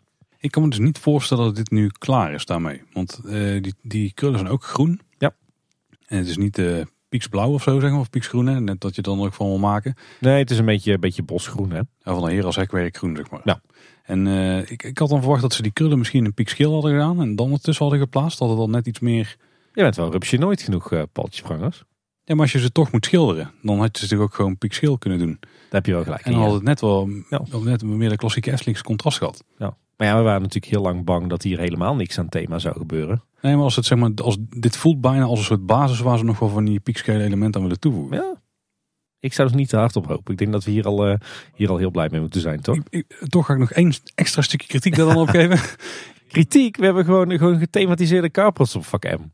Ja, maar is er net een paar bandjes eromheen die dan de, de bout hadden afgedekt of zo, weet je wel. Die hadden het dan net afgemaakt. Want je ziet ook dat die krullen dus zijn vastgezet met gewoon een paar, uh, ja, een paar flinke bouten. Ja. En ja, daar ziet het toch net allemaal een beetje lullig uit, weet je wel. Die zijn dan weer niet op kleur volgens mij. En uh, als je daar dan nog net allemaal sierrandje omheen zet, dan zou het echt af zijn. Dit is een projectje, ja, kost geld, maar zou het afmaken. Ja, maar het is een parkeerterrein met ja, ja, en asfalt en eh, stalen carports. En... Ik, ik, had er helemaal geen eh, verwachtingen van. Maar nu het dan toch net dat beetje thema krijgt, stijgen de verwachtingen in één keer weer. Ja, en dan, merk het. Nou, ik, eh, ik ben gewoon zeer tevreden met het feit dat er überhaupt thematisering is toegevoegd aan deze constructie. Nou, ik al erg benieuwd naar ben, Tim, is dat de laatste keer dat ik er foto's van zag voordat jij daar bent gaan parkeren, toen was het nog best wel een zoortje onder die carports. Toen had je, volgens mij was maar één kant van de rij waar je auto neer kon zetten. Is dat inmiddels gefatsoeneerd? Ja, ja het, is eigenlijk zo goed als af. Ik denk zelfs dat je kunt stellen dat het deel waar je kunt parkeren gewoon helemaal af is. Het is wel netjes gefatsoeneerd.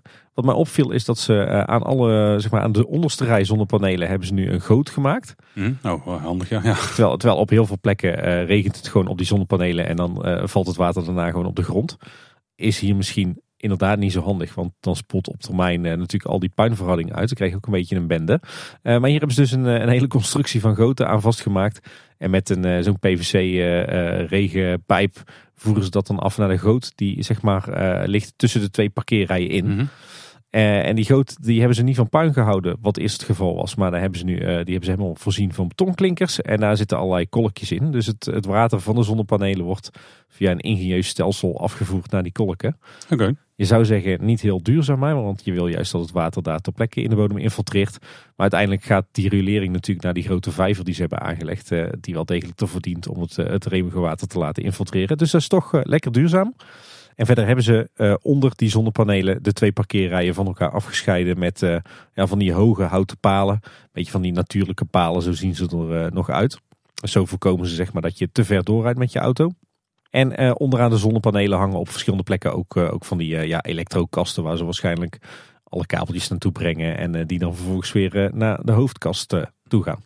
Ze zijn nog niet helemaal klaar in het gebied rond de zonnepanelen heen. Zo worden er een aantal camerapalen geplaatst. Dus er wordt straks volop toezicht op dit parkeerterrein. En her en der steken ook nog wat kabels uit de grond. wat mij het idee geeft dat er lantaarntjes langs de wandelpaden gaan komen. Oh, oké. Dus dat wordt ook beter dan wat het was. Want we hadden hier natuurlijk die ja, die grote tijdelijke lichtmasten die iedere mhm. avond omhoog werden gelift en daarna weer naar beneden werden gehaald. Maar nu hebben we dus van die mooie, ja, van die mooie ledbakken eigenlijk die aan de carports hangen. Dus die verlichten gewoon de rijbaan en de parkeerplekken. En langs de wandelpaden hebben we straks gewoon lantaarntjes. Al in het donker geweest of nog niet? Nee. Ben ik, ben wel benieuwd dat dadelijk oogt als daar lampen Cool, oké. Okay. Overigens is er ook nog ergens een, een, een uithoek, helemaal op de kop van het terrein. Dat is helemaal eh, beklinkerd en er komen heel veel kabels uit de grond. Dus ik denk dat daar nog een soort van uh, ja, technisch hok gaat komen. Waar, uh, waar alle kabels vanuit de verschillende zonnepanelen uiteindelijk naartoe gaan. En ja, er zal iets van een transformator komen of zo. En die wordt volgens mij weer aangesloten op de transformator bij de fietsenstalling. Zo, ingenieursproject. Ja, vooral heel duurzaam hè. Uh, met één kleine kanttekening. Vorig jaar hebben ze heel veel bomen geplant rond uh, vak M. En een flink gedeelte daarvan is inmiddels uh, overleden. Oh, oké. Net iets te weinig water gekregen. Ja, dat is dan toch wel jammer. Terwijl ze toch zat er naartoe hadden kunnen afvoeren met de nieuwe dakgootjes. Die kwamen waarschijnlijk iets te laat. Precies. We gaan uh, beginnen aan het onderhoud. Maar voordat we dat gaan doen, Tim, moet ik een, een mini-aankondigingetje doen, denk ik. Want, oh. Ja, nou, dat is niet heel spectaculair. Ik schrik ervan, Paul. Nee, nee, nee, zo spannend is het allemaal niet. Want we hebben weer een, een volle nieuwsaflevering. We hebben daar nog heel veel onderhoud en nog kort nieuws. Maar ik denk dat we een beetje in de zomerluwte terecht gaan komen. Hoe bedoel je, Paul? Ja, qua nieuws. Hè. Je hebt natuurlijk altijd dat de zomerperiode wat rustiger qua Efteling nieuws. Want er zijn geen grote evenementen die aangekondigd moeten worden. Grote attractienieuws hoeven we ook niet te verwachten. We moeten deze zomer natuurlijk nog wel iets te horen krijgen over wanneer het spookslot precies dicht gaat. Dus daar komt er dan nog wel aan. En we hebben wel bouwwerkzaamheden, maar er zit ook weer een bouwvak en zo aan te komen. Dus ja, ik denk dat de volgende afleveringen misschien wat minder... Nou, dat het misschien uit meer kleinere dingen gaat bestaan. Ja, ja, ik heb je wel gelijk. Ja, want we hebben natuurlijk de afgelopen maanden best wel een, eh, een, lange rits gehad met uh, de ene aflevering uh, die helemaal in teken stond van de, de nieuwe concept arts voor het hotel. Dan weer een aflevering die volledig in teken stond van alle onthullingen rond Dans Macabre. Dan weer de, de, de bouwkundige tekeningen van het hotel. Nou, deze keer natuurlijk alles wat de zomer Efteling inhoudt. Ja, eigenlijk weten we alles al zo'n beetje. Ja, ik zeg al, het sluiten van spookslot. Maar ja, dat is op zich natuurlijk ook niet echt iets waar heel veel over te melden is. Zodra we weten wanneer het dicht gaat. Want ja, dat het dicht gaat weten we al. Het gaat alleen om het moment waarop. Ja, het enige wat nog zou kunnen komen is uh, meer bouwtekeningen van Dans Macabre. Nou ja, Wessel gaat ook op vakantie, dus die kans is ook steeds kleiner. Nee, die gaat altijd gewoon door. Nee, precies. En anders hebben we Eftelis nog. Dus dat zou nog kunnen. Maar inderdaad, je hebt gelijk. Uh, uh, wat betreft uh, alle spannende nieuwe projecten, denk ik dat ja. het meeste wel is, even is aangekondigd. Ja. Misschien nog wat ontwikkelingen rondom de zomer Efteling, dat er nog wat kleine dingen gaan verschijnen. Daar horen jullie de komende nieuwsafleveringen allemaal. Nou ja, dat komt ook eigenlijk ook wel, wel goed uit. Hè? Want wij gaan ook langzaam maar zeker richting onze eigen zomerprogrammering. Ook wel waar, ja. Nou. Overigens, wees niet bevreesd. We gaan ook deze zomer weer gewoon door met uh, iedere week minstens één aflevering. En er zitten een paar uh, pareltjes tussen in samenwerking met de Efteling zelf. Dus, uh, ja, een paar toffe interviews. Ja. Blijven luisteren dus. Ook op je vakantieadres. Zeker. En anders haal je het naar de rand in. Maar ja, dan weet je hoe dat gaat hè. Dat kan even duren. Ja. Ja, dan door naar het onderhoud Tim. Ik zeg maak ons los. En dan geniet ik ondertussen van een schrobbelairtje en een koekje. En dan ligt de schrobbelair zat hier om ons heen. Ja, eerst uh, toch een, uh, een trieste mededeling, Paul. Oh, ik kan even een koekje mond.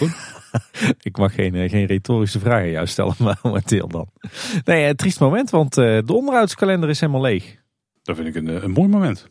Alhoewel Aqua nu had er even op mogen staan wat mij betreft. Maar Ja, nee, eh, ze, ze hebben eigenlijk alle onderhoudsklussen eh, van voor de zomer hebben ze inmiddels eh, afgerond. Ik verwacht dat de onderhoudsplanning ergens de komende weken wel weer gevuld gaat worden met de nieuwe projecten voor dit najaar. Maar hij is even leeg. En ja, dat sluit natuurlijk ook wel aan bij de strategie van de Efteling om in ieder geval in de maanden juli en augustus geen attracties in onderhoud te hebben, te hebben liggen. tegenstelling tot Toverland die trouwens Phoenix gewoon een maand dichtgooit. Precies in de periode dat ik er naartoe wil. Oh, dat is lekker dan. Ja, lekker. Nou, eh, eh, wat dat betreft even geen downtime bij de Efteling. Een eerste onderhoudsprojectje, wat eh, voor mij echt als een eh, compleet duveltje uit een doosje kwam. Maar wat eigenlijk van toepassing is op zo'n beetje de hele Efteling. is het feit dat bijna alle Unox-kramen in het park deze week plotseling vervangen zijn. Ja, dat was wel een verrassing. Ja. Er verschenen in één keer meerdere nieuwe Unox-kramen in de Efteling. Niet meer echt van die ja, bouwketen, zeg maar, met een, met een luikje aan de zijkant. Want dat was gewoon wat het voor hem was. Ja, dat dat waren echt karren, hè? Ze stonden, voor, stonden ze op wielen. Ja, volgens mij waren er ook een paar verplaatsbaar. Ja. En nu zijn het echt eh, hutjes. Ook een stuk moderner ingericht en een stuk vaster ingericht volgens mij. Ja, het, het zijn nu echt gewoon chique gebouwtjes. En eh, er- hier is iets heel bijzonders gebeurd. Want de Efteling heeft gekozen voor ja, een, een soort van nieuwe huisstijl voor deze verkooppuntjes. Die eh, eigenlijk door het hele park gelijk is. Dus ongeacht de locatie in het park ziet een Unox verkooppunt er nu zo uit. Wellicht dat we in de toekomst nog wel meer eh, van dit soort verkooppuntjes gaan zien in het park met, met andere producten. Maar die stijl die is volledig nieuw. En toch voelt die best wel Eftelings aan. Het heeft wel iets weg van die oude, nou eigenlijk van het huisje wat ze bijvoorbeeld bij de Zes Zwanen hebben gebouwd. Maar dan met iets meer planken. Iets minder eh, strakke panelen ertussen, zeg maar. Ja, ja de, de basis die is vrij nieuw. Hè. De basis van die huisjes eh, zijn eigenlijk een beetje donkergroen gebeitste houten planken. Geen, eh, geen piekblauw, hè. dus niet een beetje dat ja, groenblauwe, maar echt wel gewoon donkergroen. Ja, maar ligt het ook niet aan de rijken waarin ze staan? Ik kan me voorstellen dat ze per rijk misschien weer die andere tinten gebruiken. Net zoals de, de bloemen en de bloembakken bijvoorbeeld ook doen. Ja, daar moet ik nog eens op, eh, op gaan letten. Daar heb ik nog niet echt eh, scherp. Maar eh, eigenlijk alles wat eromheen zit voelt voor mijn gevoel wel heel erg klassiek Eftelings. Hele mooie boeiborden met heel mooi lijstwerk en allerhande sierlijsten in piekrood. En ja, een soort van crème wit is het eigenlijk. Het is niet echt eh eh, piekgeel, een beetje dat, dat, zeg maar dat echte beige, maar meer eh, ja, een beetje crème wit met, eh, met piekrood. Pieronnetjes op de Hey. daken, gouden pieronnetjes. En ze passen zelfs spiegeltjes toe. Ook een beetje dat, dat kermisfeertje, zeg maar. En ook de hele signing is mooi in thema. Met echt weer die piekse krullen en de Efteling E. Ja, eigenlijk wat mij betreft een heel mooi ingetogen stijlvol ontwerp. Zeker. Die volgens mij ook wel een beetje aansluit bij dat steltje van eh, de nieuwe toiletgroep aan de parkeerpromenade en het Oh, facilitaire ja. gebouw. Nee, het zegt ja, dat klopt. Zou, zou het een soort huisstijl worden voor eh, de facilitaire gebouwtjes in het park? Het is niet echt een facilitair gebouw eh, om daar... Ja, nou ja, de, de ondersteunende gebouwtjes dan zeg maar. Of ja, misschien ja, gebouwtjes die een beetje weg moeten vallen of zo. Ja, misschien. Ik, heb geen idee. Ja. Eh, De, de reden weet ik ook niet. Ik kan me voorstellen dat er misschien wel praktische redenen zijn dat ze dit soort gebouwtjes nu hebben gemaakt. Ik heb het nog niet echt goed bekeken, maar misschien is er bijvoorbeeld wat meer ruimte boven, de, eh, ja, eigenlijk boven je hoofd. Waardoor je dus ook wat verwarming en zo kunt ophangen. Dat het ook voor de medewerkers die erin staan wat, wat comfortabeler is dan die oude verrijdbare karretjes. Ja, ik denk dat die, die oude Unox-karren ook gewoon op waren hoor, na al die jaren. Ja, ja, ik denk dat het misschien zoiets is of zo. Ja, misschien dat dit qua ongediertebestrijding ook handiger is. Dit kunnen ze natuurlijk helemaal netjes afsluiten. dat is ook een goed punt, ja. Ben, ben wel benieuwd of, ze dit, eh, of de kosten hiervan weer eh, gedeeld worden tussen de Efteling en Unox. Wat volgens mij bij die eh, Unox-karren wel zo was. Wat vind jij ervan, Paul? Ik heb ze eigenlijk nog niet goed genoeg bekeken, maar de, zeg maar, de eerste indruk was wel goed. Vooral toen ik even bewust ging kijken naar hoe de oude wagens eruit zagen. Want ja, dat was inderdaad toch wel een beetje van een type groendienst met een, een gat aan de zijkant. Ja. En ook toch nog redelijk primaire kleuren. Ja, maar, eh, dat zeker. Maar het is nou ook weer niet zo dat die nieuwe nou zo uitgebreid gethematiseerd zijn als een aantal andere horecapunten die we de afgelopen tijd hebben zien verschijnen. En dan niet de krummels of zo, maar bijvoorbeeld eh, die, die, eh, die andere Jeroen Verheijen creaties bijvoorbeeld. Hè, die we bij de Likkerbaard hebben gezien, maar ook bij, bij de Smaakmaker. Kijk, die gaan misschien ook wel weer heel erg ver, maar deze hebben dan niet echt die persoonlijkheid die die andere punten wel hebben. Nee, nee, maar misschien is dat ook juist wel een bewuste keuze. Ik denk dat het ook wel best wel mag in de Efteling om ook eh, dit soort puntjes wat meer ingetogen te maken qua uitstraling. Ja. Ik moet zeggen, ik ben wel heel erg verrast en ook wel aangenaam verrast door, door de keuze die de Efteling hier maakt. Want we zien dat de laatste jaren altijd alles in thema moet, in thema van de locatie. maar hier kiezen ze er eigenlijk voor om niks te doen met thema. Maar werken ze de gebouwtjes wel gewoon heel vrij af met veel details. En in een stijl die erg Eftelings voelt, ingetogen Eftelings. Die deze gebouwtjes scoren volgens mij ook heel hoog op uh, de schaal van kleine boodschap. Hè? De, de 15 punten die bepalen of iets Eftelings is of niet.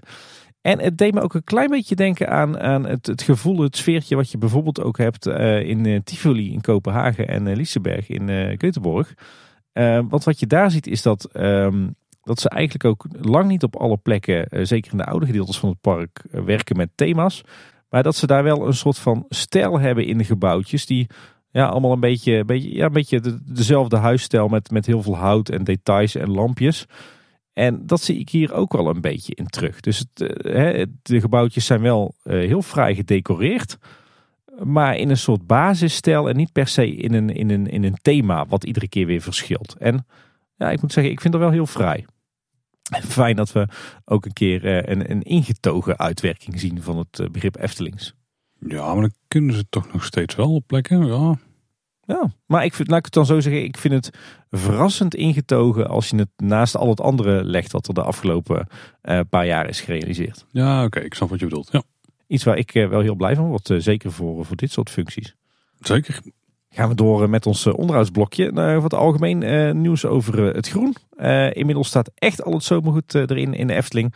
En als laatste is het Tom van de Ventplein aangeplant. Waar ze toch altijd heel veel creatieve vrijheid hebben. Dat ziet er weer erg mooi uit wat ze daar hebben, hebben neergezet. En wat minder nieuws.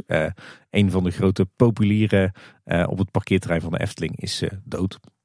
Dan uh, door uh, naar het park zelf beginnen we natuurlijk in Fantasierijk met uh, de grote onderhoudsbeurt aan Aquanura die in principe op 25 juni is, is afgerond. En, en dan moeten we beginnen met dat follow-up, Paul. Vertel. Want tijdens de vorige nieuwsaflevering kondigden wij triomfantelijk aan dat alle moving heads in de lichtmasten zouden zijn vervangen door nieuwe exemplaren. En dat is een luisteraar opgevallen. Ja, maar dat blijkt helemaal niet waar te zijn. Daar zitten gewoon de oude moving heads in. Wat uh, trouwens wel opvalt is uh, dat uh, de, de lichtmasten met die moving heads wel nieuwe speakers hebben gekregen. En dat er ook een raar soort wiebertjes aan zijn vastgeplakt. Weet jij Paul waar die verdienen? Die moet je toch opeten als je lastig van je keel of zo? dat is waar. Maar goed, laat ik dan maar even de, de, de, de, ICT, de IT-kenner zijn van ons tweeën. Volgens mij zijn het nieuwe wifi-routers. Of wifi-routers moet ik dan eigenlijk zeggen, toch? Ja, dat mag bij. In Nederlandse wifi prima.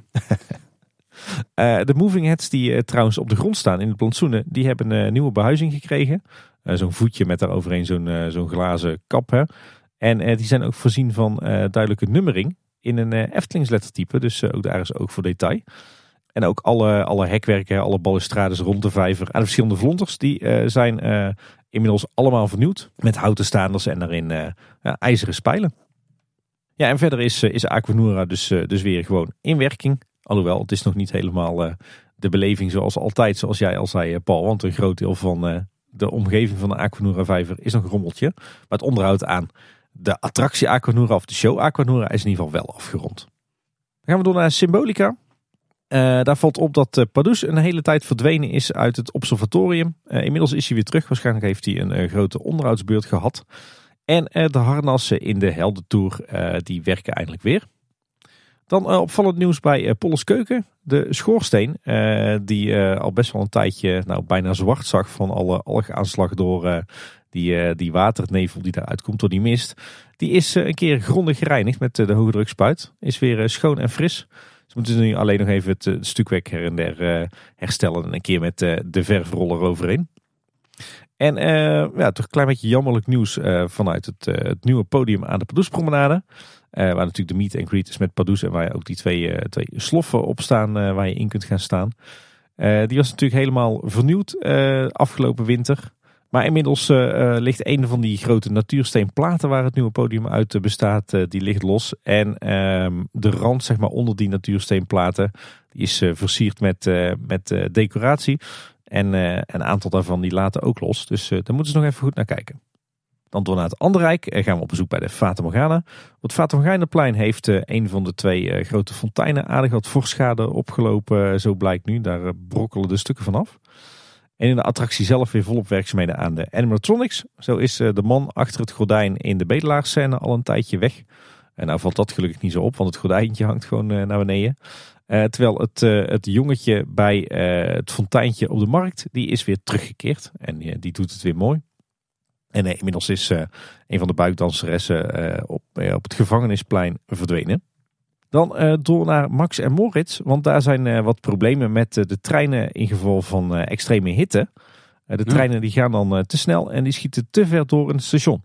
Dat is wel bizar en dan moeten ze handmatig dus weer terug laten rijden. Dat is dan wel het voordeel van een powered coaster natuurlijk, maar... Even terug eens achteruit. Als je een op zwaartekracht gebaseerde coaster hebt, dan moet je hem nog een rondje laten doen. Want je trekt hem niet echt uh, zelf weer terug station of zo. Nee. Gaat hij ook zo piepen als een vrachtwagen die achteruit rijdt? als ze hem in als een achteruit zetten. Misschien dat er wel een, een fanatieke medewerker is die dat doet. Het schijnt zo te zijn dat, uh, dat de firma Mack uh, inmiddels polshoogte is komen te nemen om het probleem te fixen. Maar uh, zolang het nog niet helemaal rond is, weet het schijnbaar zo dat hoe warmer het wordt, hoe minder coaches dat ze vullen. En op sommige momenten uh, is het zelfs zo dat maar liefst 10 zitplaatsen per trein niet gebruikt worden. Zo, dat is wel echt flink capaciteitsverlies. Ja, de Efteling die meldt er zelf uh, over. We hebben inderdaad een probleem bij Maximoris door de temperatuur. We gaan het verder onderzoeken. En tot die tijd rijden we met een verminderde capaciteit. Nou heeft uh, Maximoris er toch niet heel erg veel last van. Want ja, het is wel echt een, een capaciteitsmonster hè. Ja. Komt maar weinig voor dat daar echte serieuze wachtrijen staan. Nou, als, het, uh, als er meer dan 20 minuten staat, nu, dan is het echt druk in het park. het is nu bijna 11 uur s avonds, dus dat is inderdaad knap. Maar... Ja, dan zou het echt druk zijn in het park. Als we dan nu nog 20 minuten moeten wegdraaien. Nee, maar dat, is, dat is mijn eh, barometer tegenwoordig. Kijken hoe druk Max en Moritz is. Daar geeft een redelijk goede indicatie van hoe druk het echt in het park is. Nou, dat is een goede. Dan eh, door naar de Piranha. Het eh, Piranha-eiland is eindelijk weer toegankelijk eh, via de verschillende loopbruggen. En ook de kwelbeelden die daar, daar staan, die functioneren weer. Ik ben van de week weer aardig nat gespoten dankzij wat fanatieke jongeren die naar me bezig waren. Alleen het, het zijpaadje zeg maar, vanaf het Piranha-gebouw richting Joris en de Draak, dat is nog afgezet. Misschien wel omdat daar binnenkort de bouwinrit gaat komen voor Dans Macabre. maar verder is alles dus weer, weer toegankelijk. En aan de achterzijde van de Piranha wordt trouwens ook hard gewerkt. Uh, daar zijn ze volgens mij een nieuwe houten beschoeiing aan het maken rond de Karpervijver. Om te zorgen dat de kaart niet instort. Precies. Het vraagt een beetje af van mij, Tim, al die kennis van jou. nou, dat is toch positief? Ja, zeker. Ik, uh, af, afgelopen zaterdag viel mij ook op dat ik ook steeds meer weet van uh, data en insights. Dus, ja, daar heb je ook flink wel bij gelicht. Ja, dankzij bezig. jou. Ja. Ik vroeg me wel af, waarom gaan ze nou in vredesnaam investeren in zoiets als nieuwe beschoeiing rond de vijver? Maar ik kan me voorstellen dat het misschien wel met het klaterwatersysteem te maken heeft. Want de Karpervijver is wel heel erg brak altijd, heel erg troebel.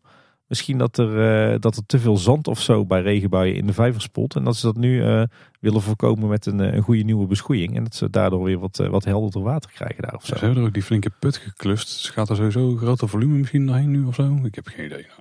Maar die put is voor het WKO-systeem toch? Dat is eigenlijk veel logischer, ja. We worden heel technisch nu. Nou. Maar jij, jij had ook wat werkzaamheden gespot daar, toch? Ja, ik uh, liep uh, weer een van mijn klassieke rondjes. Ik moet zeggen dat de lucht hier vanaf het melkhuisje komt. Dat die een stuk minder ruikbaar is tegenwoordig. Misschien hebben ze daar iets aangepast aan uh, hoe die lucht verspreid wordt in de omgeving. Of er zijn mijn neusgaten die die opsnuiven voordat die dan bij het park komt. Maakt verder niet uit. Het viel me op dat ze bij het pad achter de Piranha, dat ze daar aan het klussen waren met grote machines. Volgens mij, ja, ik weet niet wat het precies was. Maar het was denk ik om grote stenen objecten weg te halen. Bijvoorbeeld asfaltpaden of zo. Maar er liepen gewoon mensen over de paden. Ik kon het niet helemaal goed spotten. Dat is flink gewerkt daar en flink herrie gemaakt. Ja, ik denk dat te maken heeft met die beschoeiing. Met dat geluid? Ja, volgens mij is dat het, uh, het intrillen van, die, uh, van de houten palen zeg maar, in de vijver. Zou dat zijn geweest? Zou zomaar kunnen. Moeten we daar uh, toch maar een spolshoogte gaan ja. nemen dan. Oh, en ook nog een klein tof feitje, een beetje als follow-up op onze aflevering waarin we een kijkje kregen in de plantenkast van de Efteling. Uiteindelijk staan nu alsnog de agaves allemaal weer op de daken van Casa Caracol en de omliggende gebouwtjes. Dat zijn die, die prikplanten, zeg maar. Ziet er weer eh, tof uit. Toch wel mooi. Alle planten die we daar hebben gezien in de kas, om die nou langzaam maar zeker door de hele Efteling verspreid te zien staan. Dan gaan we door naar het Ruigrijk. Daar was uh, plotseling onderhoud aan de Python in de periode van 27 juni tot en met 1 juli. Uh, die kwam ineens uit het niets opgepopt op de onderhoudsplanning. En uh, Loopings stelde daar wat vragen over aan de Efteling. En de Efteling gaf aan, deze werkzaamheden stonden eigenlijk op de planning voor september dit jaar. Uiteindelijk bleek het intern beter uit te komen om de klus deze week te klaren. Overigens werd de planning gedurende de week nog wel wat aangepast. Want vanwege het grote aantal schoolreisjes ging de achtbaan tussendoor uh, een dagje open. Terwijl het die eigenlijk dicht zou zijn voor onderhoud. Ehm, wat er precies is gebeurd weten we niet. Wat wel opviel is dat op uh, zaterdag 2 juli, hè, die extreem drukke dag, dat er ineens uit het niets een hoogwerker het park in werd, werd gereden om uh, een van de kolommen van de tweede looping van de Python te inspecteren terwijl dat die reed. Ja, bijzonder, terwijl dat die reed? Ja, en terwijl het park ook gewoon open was. Oh, ik dacht het wel. Dat, oh, oké. Dus uh, ja, misschien dat ze aan het kijken waren uh, hoeveel beweging dat er op die aansluiting zit of zo. Ja, dat zou je ook met sensoren moeten kunnen doen, zou je denken, maar visuele inspectie nodig. Het, het, zag er in ieder geval bijzonder uit. Ze, ze hadden in ieder geval interesse in de aansluiting van de looping op de kolom. Dan bij de Vliegende Hollander uh, zijn de wachtrijhekken die zeg maar tussen de reguliere rij en de single rider line staan. Die zijn uh, voorzien van ja, een soort netten om te voorkomen dat mensen er onderdoor kruipen. Dat gebeurt nog wel eens hè, dat, dat mensen die in de, de single rider line staan, dat die op het laatst gauw even switchen naar de reguliere rij, zodat ze alsnog samen in de attractie kunnen. Dan is het kinderspoor, de traptreintjes, een aantal dagen dicht geweest. Inmiddels weer open. En wat opvalt is dat de in- en uitgang weer omgewisseld zijn naar de situatie uh, zoals die voor corona altijd al was. Dus uh, nu kunnen ze weer gewoon gebruik maken van de reguliere wachtrij langs het uh, stationsgebouw. En de halve maan heeft ook een aantal dagen onderhoud gehad. Op 25 juni weer heropend, werkt weer prima. En de havenhuisjes achter de halve maan die stonden een tijdje in de stijgers. Ehm, waarschijnlijk voor schilderonderhoud. En inmiddels is dat ook klaar en zijn de stijgers weg. Dan nog een interessant gerucht wat we binnenkregen over Joris en de Draak. Eind dit jaar zou één van de twee banen voor anderhalve maand dicht gaan. En die zou dan volledig geretracked worden. En ook interessant, um, uit dezelfde bron, Draak Etna die zou dan ook weer volledig gaan werken. De vraag is natuurlijk even of dit, uh, dit werkelijk zo is. Maar in ieder geval uh, was het een, uh, een hardnekkig gerucht. En tot slot nog wat infrawerkzaamheden. Want het pad zeg maar, tussen de kombuis en Joris en de Draak achter de Python langs, eigenlijk bij de kurkentrekkers van de Python daar, is inmiddels volledig voorzien van, van mooie oude gebakken klinkers en keien. Met een, ja, ook een mooi golvend patroon erin. De vraag is waarom. Heeft het misschien iets te maken met het, het begeleiden van bezoekersstromen daar. Maar het ziet er in ieder geval erg fraai en authentiek uit. Ja, dan ga ik verder door naar de reisrijk, Tim. Want dan kun je ook een keer van die koekjes genieten. Want anders zet je heel die doos op te vreten en heb je nog niks op. Oh, lekker joh. Nou, we weten natuurlijk dat er bij de pagode hard is gewerkt om die weer open te krijgen. En het is ook gelukt om uh, dat wat eerder te doen dan gepland. Want het was eigenlijk de bedoeling dat die op 4 juli open ging. Nog even stil, Tim. Maar het was dinsdag 28 juni geworden. Nou, we duurde het alleen niet zo heel lang. Maar voordat we daarover hebben, er waren wel een paar opvallende nieuwigheden. Er zijn namelijk een, een paar nieuwe lichtmasten geplaatst, vier stuks, in aangepast thema in de meandering. Ook heel tof dat er uh, vertaan muziek in de meandering draait. Dan denk je, oh cool, nieuwe uh, Merkelbach compositie. Nou, misschien wel ooit, maar op dit moment in ieder geval nog niet. Want vooralsnog draait daar gewoon de standaard achtergrondmuziek die we ook in de horeca en de winkels horen. Vrij uh, suf dus eigenlijk. En het lijkt ook dat, zolang het mag duren, de pagode misschien wat soepeler en sneller omlaag en omhoog beweegt. Maar ja, 2 juli toen ontstond er een, een flinke storing. Toen hing de tempel ook scheef in de lucht, zeker een kwartier lang. Nou ja, volgens mij heeft hij vanaf dat moment eigenlijk bijna niet meer gedraaid. Volgens mij is er geen gast meer in geweest sinds dat moment. Dus het waren een paar mooie dagen. Uh, ja. ja. Maar inmiddels staat hij gewoon stil. Ja, en we zijn inmiddels vijf, zes dagen verder. Hè? Dus, uh... Tenminste, toen wij er langs liepen, was er een techneut hard bezig. Nou, dat was uh, dus een paar dagen na deze storing. Dus ja. Laten we hopen dat het gaat om kinderziektes. Ik, ik hoop het ook, ja. Nou, ze hebben flink getest in ieder geval, dus het zal wel zoiets zijn. Nou Tim, dan uh, groots nieuws. of niet?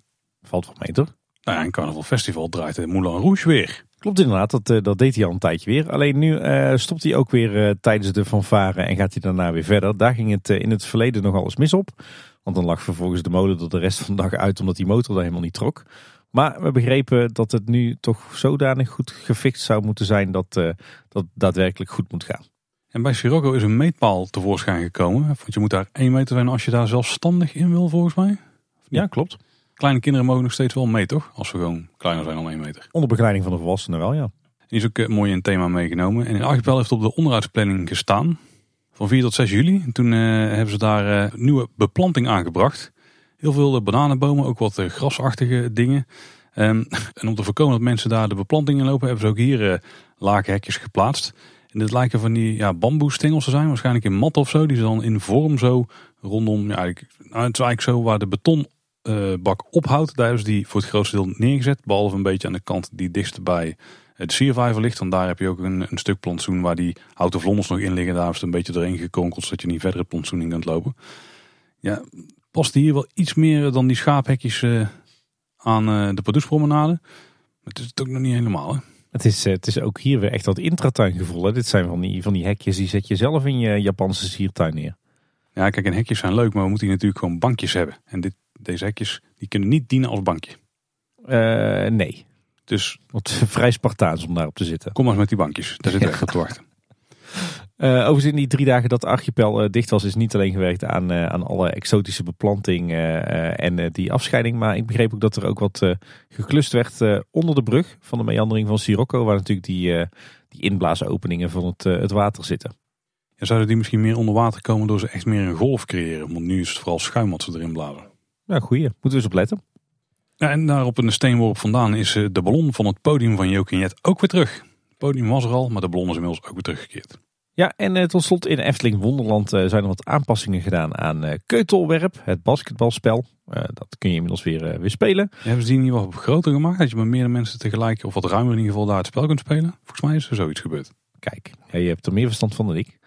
En er zijn nieuwe schaduwdoeken aangebracht boven het, het podium. Door naar het Marenrijk, want daar is ook weer veel gebeurd. gaan we eerst even kijken bij de stoomcarousel. En ik haal hem geregeld aan, de façade, oftewel de, de houten voorgevel. Die is her en der in behoorlijk slechte staat. Op één bepaalde plek uh, rechts van de ingang van de carousel uh, vallen zelfs hele gaten in de gevel. Maar dat hebben ze nu op een uh, hele duurzame manier opgelost. Ik neem aan ook volledig een thema. Ja, ze hebben een houten stuk multiplex gepakt. Dat hebben ze mooi in beige geschilderd. En dat hebben ze tegen de gevel aangeschroefd over het gat heen. Oké. Okay. Opgelost. Al dus buurman en buurman. Maar goed, aan de andere kant wel denk ik een goed teken aan de wand. Want tenminste, zo, zo leg ik dat dan voor mezelf uit. Een goede plaatje aan de wand in ieder geval. Ook dat. Uh, maar ik, ja, ik hoop toch dat het een teken is dat over niet al te lange tijd... dat die voorgevel echt serieus uh, onder handen wordt genomen. Laat het hopen. Dan uh, naar station West, of station West, nou, naar station Maarrijk moet ik eigenlijk zeggen. Uh, om mij lekkere jaren 90 uh, kletsen. Daar heeft natuurlijk ook onderhoud gehad. Het schilderwerk aan het station zelf is klaar. Ook de meeste borden zijn weer terug. er missen eigenlijk nog maar twee elementen. Denk ik wel de twee elementen die het hardst aan onderhoud toe waren. Namelijk het grote bord op het midden van het, het dak. Wat, waar de bladders aan hingen. En de pietjes met het, het uurwerk ben wel heel benieuwd uh, in wat voor staat dat die terugkomen. Of dat we hier uh, hopelijk uh, twee roetveegpietjes gaan zien. Um, uiteindelijk is er toch niet gewerkt aan het, aan het stukwerk van de muur. die zeg maar tussen de Sint-Nicolaasplaats en het Witte Paard zit. En ook niet aan die grote poort. Um, volgens mij zijn er alleen her en der wat, wat scheurtjes opgevuld met, met een, een beetje specie. Maar ja, laten we hopen dat die tijdens een volgende onderhoudsbeurt aan de beurt komen. Ja, en dan een groot klein nieuws. De vernieuwde toiletten van Droomvlucht zijn open. En die zien er best chic uit eigenlijk. Ik heb ze eigenlijk nog niet gezien. Maar die zien er chic uit. Die uh, zijn heel mooi opgeknapt, ja. Kunnen prima een klein boodschapje doen. Zeker. La laten we hopen dat alle toiletten van de Efteling zo onder handen worden genomen. Oeh, ja, dat is wel een goeie. Nou ja, die van uh, Spookslot krijgen ook een upgrade, heb ik. Uh, nou, hoop ik in ieder geval. ja. Hey, dan naar het Lavelaar. Het is natuurlijk een aantal weken dicht geweest voor onderhoud. In eerste instantie aan de monorail, maar uiteindelijk bleek het meer te zijn dan dat alleen sinds 2 juli is het, uh, het dorpje weer open. Tenminste, het grootste gedeelte. Want er zijn nog een aantal plekjes die zijn afgezet. Nou, wat is er nou gebeurd in, uh, in die drie, vier weken dat het dorp dicht is geweest? De hele monorail is voorzien van nieuwe koolborstelrails. Dat zijn zeg maar die, uh, ja, die, die, rails die aan de zijkant van de baan zitten. Waar, waar de slakken hun, hun stroom en hun data vandaan krijgen. Die zijn helemaal nieuw. En ook de bijbehorende elektra die zijn, zijn vernieuwd. Ik denk dat dat de hoofdreden was voor dit onderhoud. Maar een aantal huisjes zijn ook onderhanden genomen. Zoals het Larikoekenhuis, natuurlijk de bakkerij in het dorp. Uh, de molen daar, vaak onderwerp eh, van gesprekken in onze podcast. Uh, de wieken daarvan die zijn een tijdje gedemonteerd geweest. En uh, nu weer teruggeplaatst uiteindelijk. Dus laten we hopen dat die motor vervangen is. zodat die wieken voortaan gewoon standaard gaan draaien. Verder is het, het hele huisje opnieuw gesausd en ingeschaduwd. Is het riet schoongemaakt. En hebben ze ook wat, uh, wat straatwerk rondom uh, de bakkerij hersteld, wat wat uh, hobbelig was. nog niet open, staat namelijk nog wel in, in de hekken met hier en daar wat stijgers en hoogwerkers. Dus ze zullen nog niet helemaal klaar zijn. Maar ik ben benieuwd wat we daar ook binnen gaan zien. En ook het, het, onderhoud aan het loof- en eerhuis ietsje verderop is afgerond. Ook dat is volledig opnieuw gesausd en ingeschaduwd. En ook daar hebben ze het riet schoongemaakt. Nou, waar wordt nog aan gewerkt? En een heel gedeelte van het Lavelaar is nog afgezet. Met name rond uh, de lolwippen en de lachspiegels in het midden van het dorpje. En waarom? Nou, de lolwippen die worden allemaal voorzien van een nieuwe valdempende ondergrond. Daar hebben ze zeg maar, de, hele bestrating voor weggehaald. En dat wordt één groot vlak met van die, uh, ja, wat is dat, van die rubbergranulaatkorrels, weet je wel. Mm Dus daar, uh, dat moet waarschijnlijk vanuit de keuring. En uh, ja, als het daar dan toch helemaal open ligt, grijpen ze het blijkbaar ook aan die kans om het straatwerk daar helemaal te vernieuwen tussen zo'n beetje Los Brouwhuis en eh, de lachspiegels. En jammer genoeg verdwijnt daar de oude bestrating die natuurlijk lekker rommelig en natuurlijk eh, is. En komen daar eh, ja, nieuwe gebakken klinkers voor terug. Een beetje in een gelige tint. Dus anders dan die, die nieuwe klinkers die vorig jaar op het entreepleintje zijn, zijn aangebracht. Dan moet ik zeggen, die waren toen knalrood voor mijn gevoel. En die zijn qua kleur wel wat bijgetrokken. Maar toch, ja, dit soort nieuwe gebakken klinkers kunnen wat mij betreft niet, niet tippen aan de, de beleving van die uh, echt die oude gebakken klinkers die, uh, die overal in het dorpje liggen. Heel jammer dat ze daar uh, nou toch weer voor kiezen. En volgens mij moet er ook nog wat gebeuren aan de beplanting rondom het, het Lonkhuis. Wat natuurlijk eerder dit jaar volledig onderhanden is genomen. daar is heel veel beplanting verdwenen. En ze hebben al hier en daar wat, wat struikjes aangeplant. Maar volgens mij is het nog niet helemaal af. Hm. Dan door naar het, het Sprookjesbos. Daar wordt natuurlijk volop gebouwd aan het huisje van vrouw Holle. Dat gaat nog steeds hartstikke snel. Nou, wat is daar allemaal gebeurd? Uh, sowieso was er een feestelijk momentje twee weken geleden, want het hoogste punt was bereikt. Dus uh, kon daar de vlag uit, natuurlijk de vlag van 70 jaar Efteling. Verder is er hard gewerkt aan het uh, stukwerk en het krapwerk. Dat ziet er echt identiek uit aan de oude situatie. Inclusief de nogal ja, uitgesproken, uitgekrabde stenen. Misschien zelfs wel een beetje sterker aangezet dan de afgelopen jaren het geval was. Uh, ziet er niet heel erg levensecht uit, maar het is natuurlijk wel geheel conform het ontwerp van, uh, van Piek. En zoals het er altijd al uitzag. En dat is wat mij betreft uh, prijzenswaardig. Ze hebben trouwens aan de achterzijde, de zijde waar straks vrouw Holle weer gaat verschijnen, hebben ze ook echt die gevelstenen met die gezichtjes er weer in bevestigd op het metselwerk. Dus die, die zijn nu mooi meegestukt. Nou ja, naast het, het stukwerk is, ook, is er ook weer hard gewerkt aan het dak van het huisje. En inmiddels is het riet aangebracht op het dak. Ziet er ook heel vrij uit ook weer bewust heel erg uh, ja, wat slordig en golvend aangebracht. Zodat het maar zo goed mogelijk lijkt op het, uh, het origineel. Dat doen ze heel goed. Zeg maar die imitatie dakconstructie met, uh, met die boomstammetjes. Uh, die, waar dus in het verleden het hele dak uit bestond, maar nu, uh, nu alleen het onderste gedeelte. Daar hebben ze ook netjes uh, allerlei panlatten op aangebracht en dat hebben ze ook mooi op kleur bebeidst. Dus als je straks onder het huisje staat en je kijkt naar boven, dan zie je niet de moderne dakconstructie, maar dan zie je als het ware die namaakdakconstructie van ja, die, die hele korte boomstammetjes, zeg maar. Verder eh, is eh, de, de schoorsteen bovenop het huisje nu voorzien van een mooie metalen decoratieve afdekkap. Met eh, daarbovenop een, de beeldenis van echt zo'n pieks heksje. En rondom het huisje is ook al het straatwerk al aangeheeld. Dus ze hebben natuurlijk die plantenbakken weer teruggebracht. Hè, die helemaal zijn gemetseld in ijzelsteentjes. En nou, die zijn inmiddels zover klaar dat ook al het straatwerk weer terug is.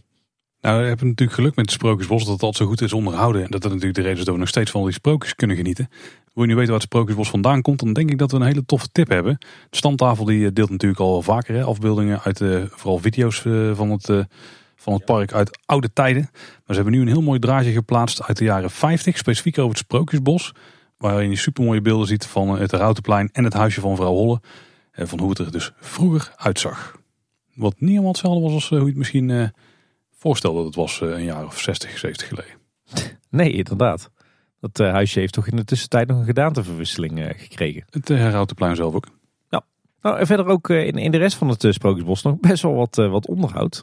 zo valt op dat bij de toiletten van Kleine Boodschap, hey, bekende naam, dat een aantal wastafels zijn weggehaald en op die plek zijn er Dyson handdrogers neergehangen. Dan zijn alle bankjes op het Herautenplein rondom de Magische Klok in onderhoud. Dat zijn houten banken, dus die zullen geschilderd worden. En bij Assepoester is het uh, muurtje tussen het Herautenplein en uh, het landhuis van uh, de stiefmoeder van Assepoester zelf is wit gesausd. Die zal binnenkort dan ook wel ingeschaduwd worden. Hopelijk vergeet die niet. nee. Dan door naar de Indische waterlelies. Daar zijn alle elfjes inmiddels weer gefixt. Die draaien allemaal weer netjes. enige wat nog wat, wat aandacht nodig heeft naast de sterren op de achtergrond die wel heel erg plotsklaps uitgaan, is toch wel de, een van de vier kikkers. de kikker namelijk die het meest op links zit met de trompet. Die hoort van origine een beetje zo op en neer te draaien met zijn lijf. Maar daar zit volgens mij een modern motortje in en draait nu rond alsof het een soort van ja, carnaval festival pop is. Dus dat is volgens mij niet helemaal de bedoeling. Daar moeten ze even wat aan tweaken. Verder was het Sprookjesbostheater uh, een tijdje dicht. Daar vond wat onderhoud plaats aan het straatwerk. Dat zal zijn opgeknapt. En bij het meisje met de zwavelstokjes is de zwavellucht nu ook terug. En nog een kleine insider tip. Bij de vakier staan links en rechts van het tafereeltje nu een aantal potten. Met daarin wat planten die er op het eerste gezicht niet heel erg bijzonder uitzien. Maar de tip van Tim. Ga er eens een beetje met je hand doorheen en ruik dan. Ah, dan weet ik al wat er aan de hand is. Ja, in de wereld van Efteling zijn er nog wat interessante dingen in gebeurd. Ja, wat, wat kleine dingen. Uh, op het Loonse Land is uh, druk gewerkt de afgelopen weken aan de kap van enkele bomen. Een aantal bomen hebben het daar wel heel erg taai met de droogte van de laatste jaren. En natuurlijk ook alle verharding die daar is komen te liggen. En alle bomen die blijven staan, die, die hebben allemaal een snoeibeurtje gehad. En ook nog een leuk stukje follow-up. Uh, toen wij op bezoek waren in de kas, toen kregen we daar te horen dat er nogal wat uh, problemen waren met uh, de citrusbomen die geen licht kregen in het restaurant De Proeftuin. Nou, daar hebben ze nu een oplossing voor gevonden, want die staan nu gewoon lekker buiten op het terras. En die doen het goed, want ik heb al aardig wat citroenen zien hangen. Handig. bij Bosrijk, um, interessant. daar heb je zo'n waterspeeltuin zeg maar aan de vijver bij het terras van het eethuis. Um, Alleen uh, een vrij essentieel onderdeel voor de waterspeeltuin is de waterpomp, waarmee je het water uit de vijver of uit de bodem uh, de speeltuin in kunt pompen. Maar uh, die is inmiddels al lange tijd defect, dus hopelijk wordt die een keer gerepareerd. En Paul, jij nog wat interessants gespot in het Duitse bosje. Ja, er was ooit een proefmodel verschenen voor nieuwe lantaarns daar, die een stuk meer hufteproef waren. Dus van die balkjes waar dan een hap uit is gehaald, waar een, een LED-armatuurtje in zit wat dan op het pad schijnt. Het leek erop dat ze nu alle originele armatuur aan het vervangen waren voor die nieuwe hufterproof houten varianten. Nou, laten we hopen dat, uh, dat die het uh, wel wat langer volhouden. Stonden in ieder geval toen ik er langs liep al een stuk of acht. Dus ik neem aan dat ze inmiddels bijna allemaal vervangen zijn. Ja, netjes dat ze dat uh, ook oppakken. Nog een ander ding wat me trouwens opviel. Je hebt het struimpad aan de zuidkant van de Eftelingen, langs de Eftelingse straat. Dat leek in het begin toen je de foto's zag bijna dat daar een soort asfaltlaag was geplaatst. Nou, je waren het er al over dat het een soort aangestampte grond was. Uh, daar is ook wel duidelijk inmiddels. Nu kun je daar gewoon ook met het blote oog zien, want het is helemaal uit elkaar gevallen al. ja, inderdaad. Het, was, het zag er zo strak uit hè, toen het net afgewalst was. Maar uh, er zijn een paar pittige regenbuien overheen gegaan. En nu is het weer uh, gewoon lekker een ouderwets modderpaadje geworden. Ja, modder niet. Het, het, loopt nog steeds wel prima. En de, alleen, het is niet zo chic en strak meer. Nee. Ik zag trouwens wel een aantal bordjes staan bij dat nieuwe struinpad. Ruiters naar rijbaan. Dus ik denk dat die paadjes ook wat te lijden hadden van paarden die er overheen gingen. Hey, en dan uh, golfpark De Loonse Duinen, voorheen natuurlijk het Efteling Golfpark. Uh, daar konden we uh, eerder dit jaar aankondigen dat, dat de nieuwe exploitant daar negen extra holes ging aanleggen. En dat is inmiddels gebeurd. Ik ben er een paar keer langs gereden afgelopen weken en het werk is ja, zo goed als klaar. Alleen het gras moet nog een beetje opkomen. maar weet je waar die, die negen holes nou, nou zijn gekomen? Als je het hoofdgebouw hebt, toch daar rechtsachter? Ja, dat, de, de, in de krant werd gecommuniceerd dat het lekker dicht bij het hoofdgebouw was. Maar mhm. dat is niet helemaal waar. Uh, je moet je voorstellen als je het, eh, het clubhuis van het golfpark hebt. Als je daar vanuit de Efteling naartoe rijdt. Dan heb je op een gegeven moment aan je linkerhand het clubhuis. Maar dan moet je uh, doorrijden over de Veldstraat richting de Moer. En dan uh, heb je gedurende een tijdje aan je linkerhand nog wel het golfpark. En dan op het moment dat het golfpark ophoudt, dan had je daar nog wat landbouwpercelen. En een aantal van die percelen zijn nu ingericht voor die, die negen extra holes. Maar die liggen dus gewoon echt op een, uh, ja, echt in een uithoek van het golfpark. Flink stuk lopen. Ja, zeg maar tegen die oude vuilnisbelt aan waar eh, de, de politiehondenvereniging op traint. Dat is echt zo'n uh, ja, dood hoekje. Nou, daar zijn golfkartje nou goed voor, hè? Ja, precies. Maar daar hebben ze in ieder geval met, uh, met grond hebben ze een mooi ja, glooiend geheel aangelegd. Er is ook een vennetje aangelegd. Ik ben benieuwd of dat die ook onderdeel gaat uitmaken van het klaarwatersysteem en, uh, en ook een bunker. Uh, maar dat zijn dus, ja, jij hebt er meer verstand van dan ik, Paul. Dat zijn negen wat makkelijkere holes, geloof ik. Nou, volgens mij is het idee van dat dit negen holes zijn waar je ook niet per se een, uh, een golfvaardigheidsbewijs voor hoeft te hebben. Dus de GVB. En dan kun je daar gewoon ja, ook met, een, met je vriendengroep of zo gaan golven. Of met, Nou, een, een vereniging of net wat dan ook. Wel leuk dat op deze manier uh, een kleine 30 jaar na dato alsnog het originele plan voor het golfpark is uitgevoerd. Hè? Ja, ja. Het, het, was ooit uh, in 1995 de bedoeling om een 27 holes golfbaan te openen.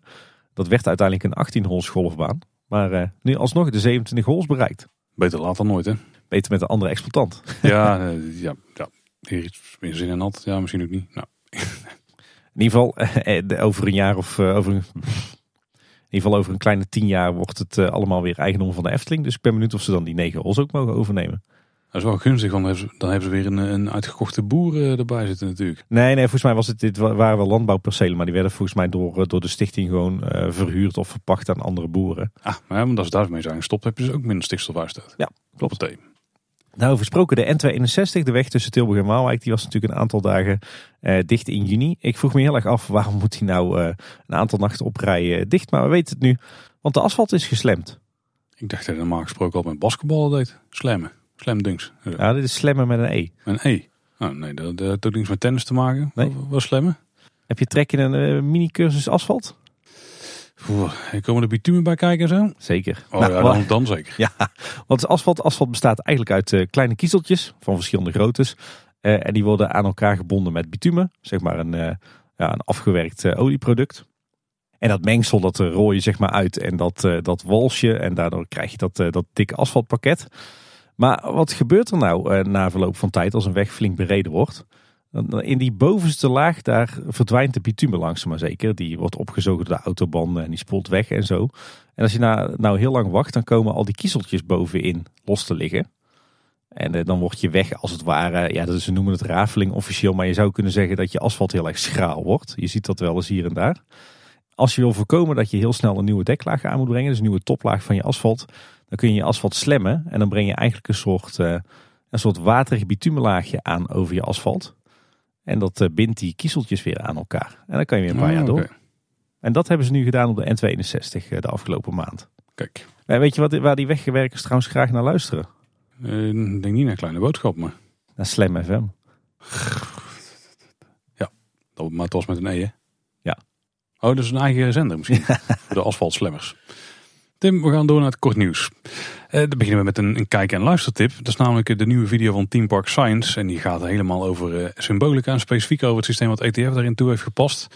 En uh, daar krijgen we een kijkje achter de schermen en bij Symbolica, maar ook weer in de fabriek van ETF. Die kennen we natuurlijk al uit de Making of. Dan heeft de Efteling daar zelf ook wat video-opnames gemaakt. Maar uiteraard gaan de mannen van Team Park Science veel verder. En ik vond het wel heel cool om te zien dat, dat ze daar een, een voertuig hadden staan op hoogte. En als ze zo'n geleidingsdraad hadden dan op een soort houten constructietje gemaakt. En dan kon je ook zien dat als je die bewoog, dat die dan netjes dat ding ging volgen, volledig geautomatiseerd.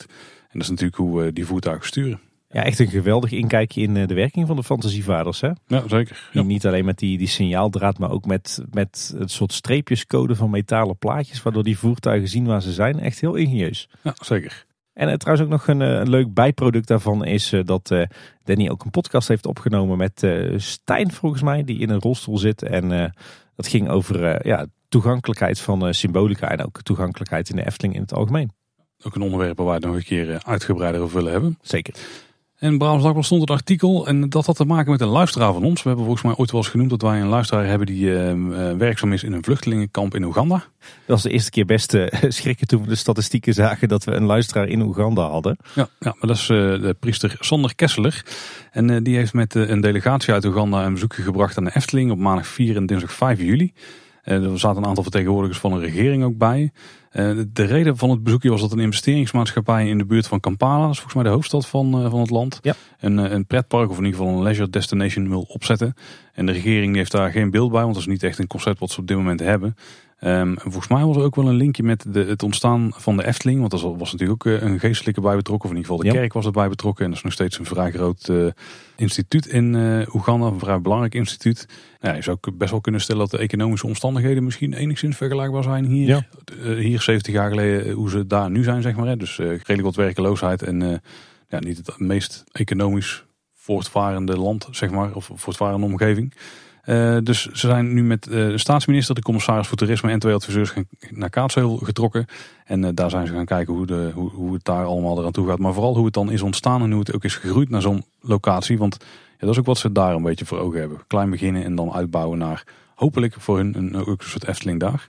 Ze, ze werden in de Efteling in ieder geval uh, met alle egaars ontvangen. Ze werden volgens mij twee dagen door een hele delegatie ook rondgeleid door het park. Uh, ze mochten naar het heldendiner, ze mochten naar Caro. Dus ze werden flink in de watten gelegd. Ja, zeker.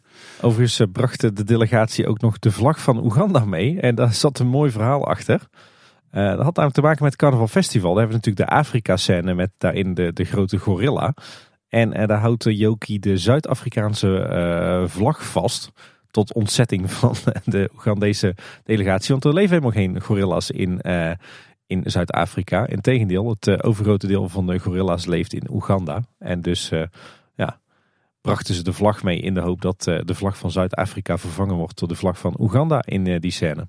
En Nefteling die zegt er zelf over dat ze het een, een toffe actie vinden en de opmerkzaamheid waarderen. Want ze houden ook van perfectie. Maar of ze er iets mee gaan doen, ja, dat moeten ze nog even bekijken. En nog een mooie teaser in uh, een tweet van uh, de staatsminister uh, zelf. Bahiduka Mugara Martin, als ik het goed zeg. No. After convincing them to feature our flag, we discussed various areas of partnership. Interessant waar dit toe gaat leiden. We houden het scherp in de gaten.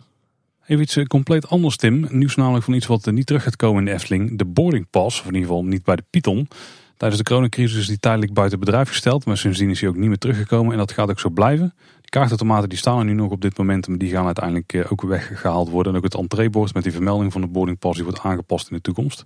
Ze zijn wel nog bezig met andere pilots rondom nieuwe manieren van wachten. Weet ook natuurlijk, heeft Jonas het zelfs nog over gehad in onze vorige aflevering. Ja, vooral de virtuele wachtrij momenteel. Hè? Ja, dus ik vermoed dat we nog wat meer experimenten gezien tot het Efteling bij een, een variant is uitgekomen waar ze echt heel tevreden mee zijn. Zou het ook een variant zijn waarbij je om één uur s'nachts op je telefoon moet kijken? Ik hoop het absoluut niet. Nee, denk het ook niet als ik Jonas zo heb gehoord vorige week. De vlaggetjes van 70 jaar Efteling die hebben voortaan een houten stil. Natuurlijk goed nieuws. Hè? Beter voor de duurzaamheid en minder plastic dan uh, wat rondzwerft. Want komen ze nog wel eens tegen in een plantsoen. Ja. Als we dan toch over 70 jaar Efteling vlaggen hebben, hebben we natuurlijk daar eh, grotere varianten van. bij het Huis van de Vijf Zintuigen, het Efteling Hotel en zelfs aan de Europalaan. Die zijn er allemaal gespot. Ja, inderdaad. Die hangen overal in de wereld van de Efteling nu. Als we het toch over Jonas hebben, die was ooit de product owner van de Efteling app. Nou is inmiddels daar de vierde versie van geïnstalleerd. We halen hem toen straks al even aan.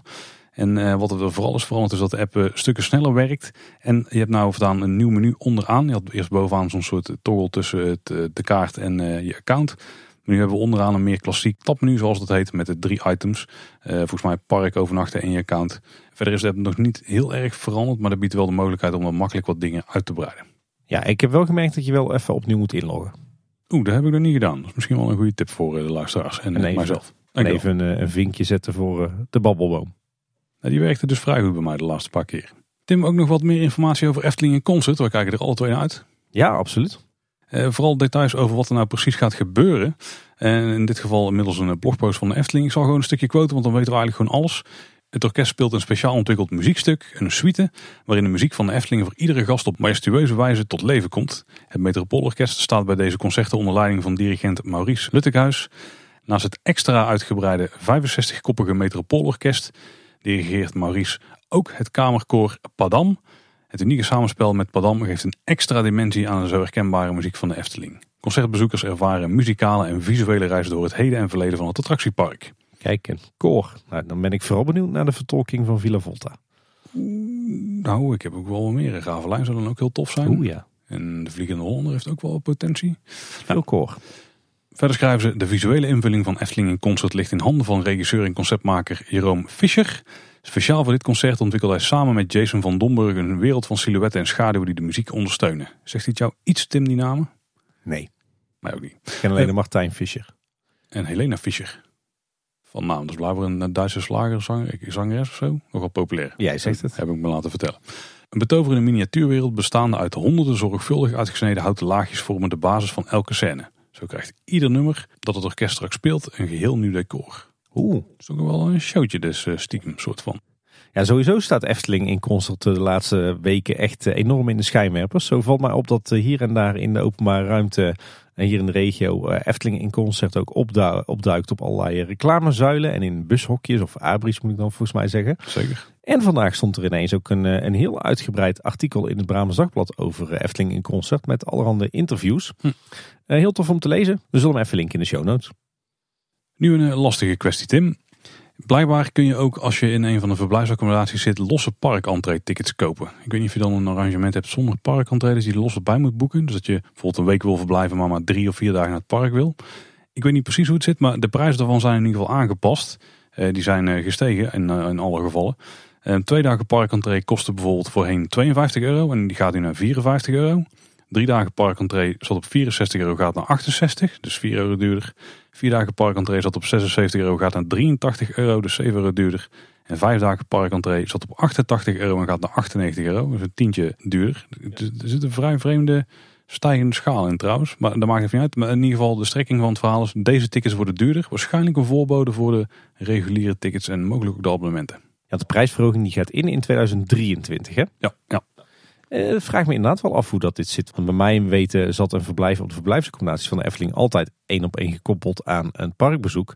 En kon je bij de gratie gods als abonnementhouder uh, korting krijgen, waardoor dat je die, die parkentree niet hoeft te betalen. Maar waarom dat er nou aparte toegangsprijzen zijn voor parkentree als je op een van de verblijfsaccommodaties uh, overnacht, ik, ik snap hem niet. Ik zie dit als een open uitnodiging voor luisteraars die het wel weten om dat te melden aan ons. Absoluut. Tim de Efteling die staat op plek 2 van de MT500. Wat dat ook mag zijn. Nou, ik weet wat het is. een supermarkt. Het is een jaarlijks uh, reputatieonderzoek, maar waar dan MT voor staat, dat zal dat wel. Uh, ASML die staat op 1. Albert Heijn staat op 3. En Efteling staat dus op 2, maar vorig jaar stond Efteling nog op 3. Zijn een plaatsje gestegen. Mooi. Er zijn ook uh, gewijzigde in- en uitchecktijden in de hotels en resorts. Inchecken kan tegenwoordig pas vanaf 4 uur. Dat was voorheen 3 uur. En uitchecken moet al om half 11. Dat was voorheen 11 uur. Eh, op social media heb ik wat negatieve berichten gezien, maar de reden is uh, volgens mij vrij duidelijk. Van wat we horen komt het door personeelstekort in de schoonmaak. En daardoor kunnen ze met minder mensen wel alles gewoon netjes schoon opleveren voor, uh, voor het verblijf. Dus ja, het is een soort van noodzakelijk kwaad, denk ik. Ik, ik hoorde dat het nog steeds een enorme race tegen de klok is met deze tijden. Ja, dus, nee, dat kan ik me alsnog voorstellen. Dus hopelijk zodra er weer voldoende personeel is, dan gaat het gewoon weer terug naar de oude tijden. En dan weer wat wateroverlast viel allemaal wel mee volgens mij. Hè? Maar dat flink gerekend op maandag 27 juni. En uh, nou, daar hebben we denk ik het meeste van gezien bij Ravelijn. Denk ik ook een, een stukje uh, video wel nou, mini-viral, denk ik. Ja. Want uh, wat gebeurde dat, Tim? Ja, er viel natuurlijk heel veel regen in korte tijd. En ieder dak in Nederland moet naast een hemelwaterafvoer ook een noodoverstort hebben. Dat zodra de regenpijp de waterstroom niet meer aan kan, wil je niet dat een dak vol water komt te staan. Want dan zou het in het slechtste geval kunnen instorten. Dus je moet ook een soort, nood, uh, ja, soort noodoverstort hebben. Uh, en dat zijn vaak van die, ja, je zou kunnen zeggen van die grote enveloppen die je wel eens in dakranden ziet zitten. Als het water nou heel hoog uh, komt te staan, dan komt daar als een soort waterval al het regenwater van het dak af.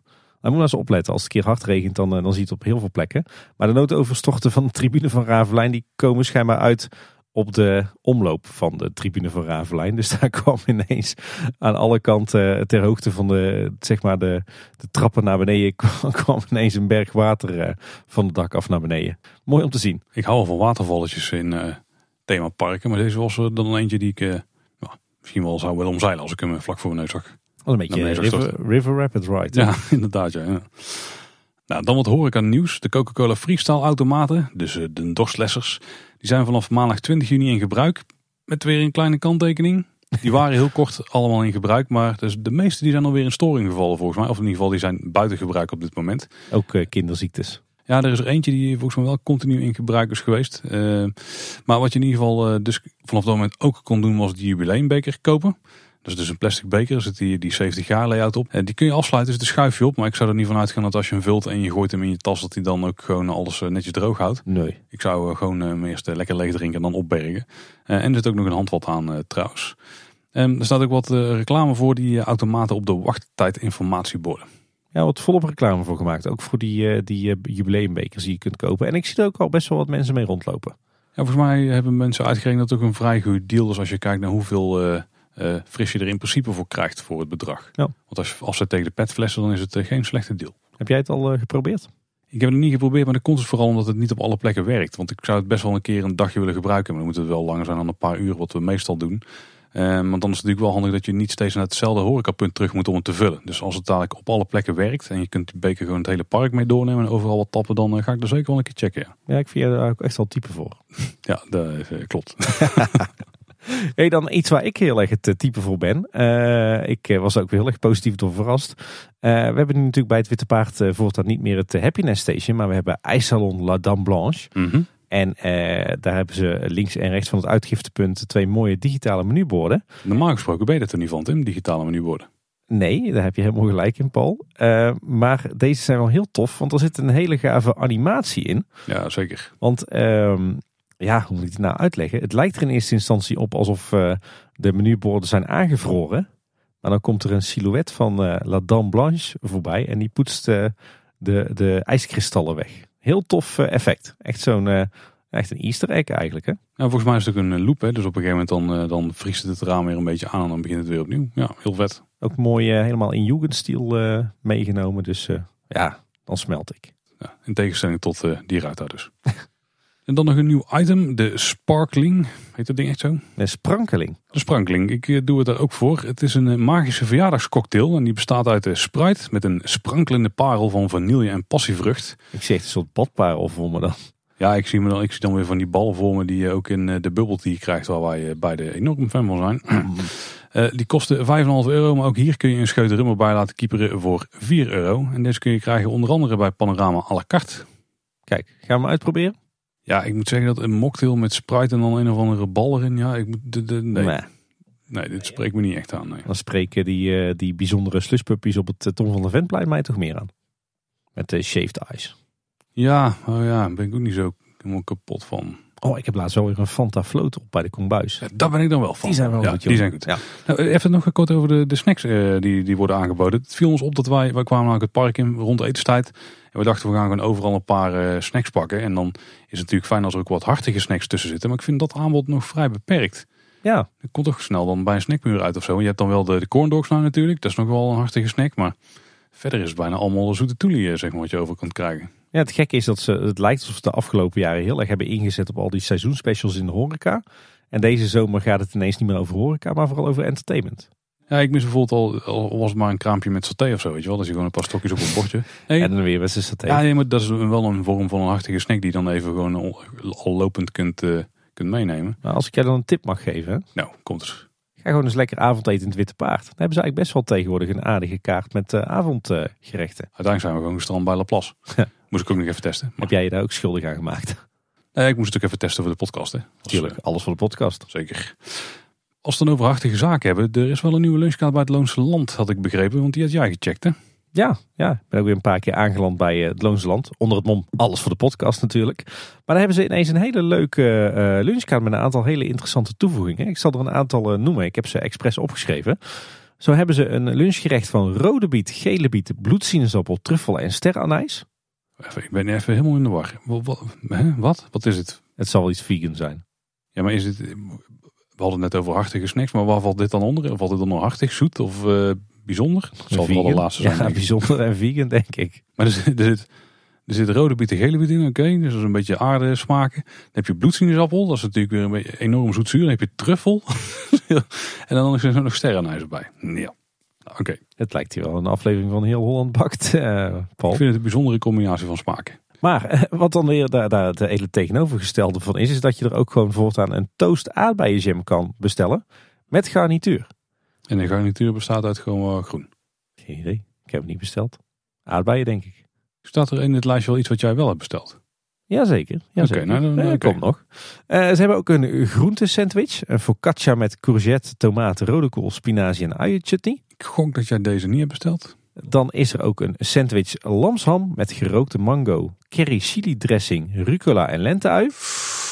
Ja, ik twijfel dat dit het is, maar we gaan verder. En tot slot de sandwich Caesar met kip, ei, knoflookdressing, parmezaanse kaas, kropsla en anchovies. Ik denk dat jij de sandwich lamsham op hebt. Nee. Oh, toch de Caesar? Ja. Ah, Oké. En die was heerlijk.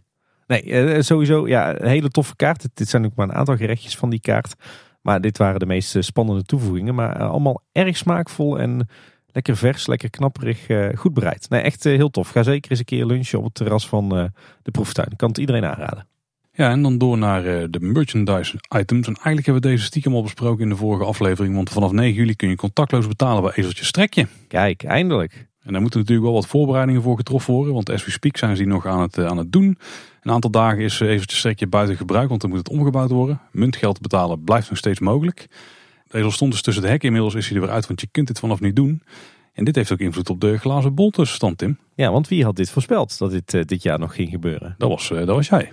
Kijk aan. En uh, als ik dan even ga kijken op de pagina van de aflevering, de Glazen Bol 2021, aflevering 237 van Kleine Boodschap, dan zie ik even gauw bij elkaar optellend dat het 4 tegen 4 staat.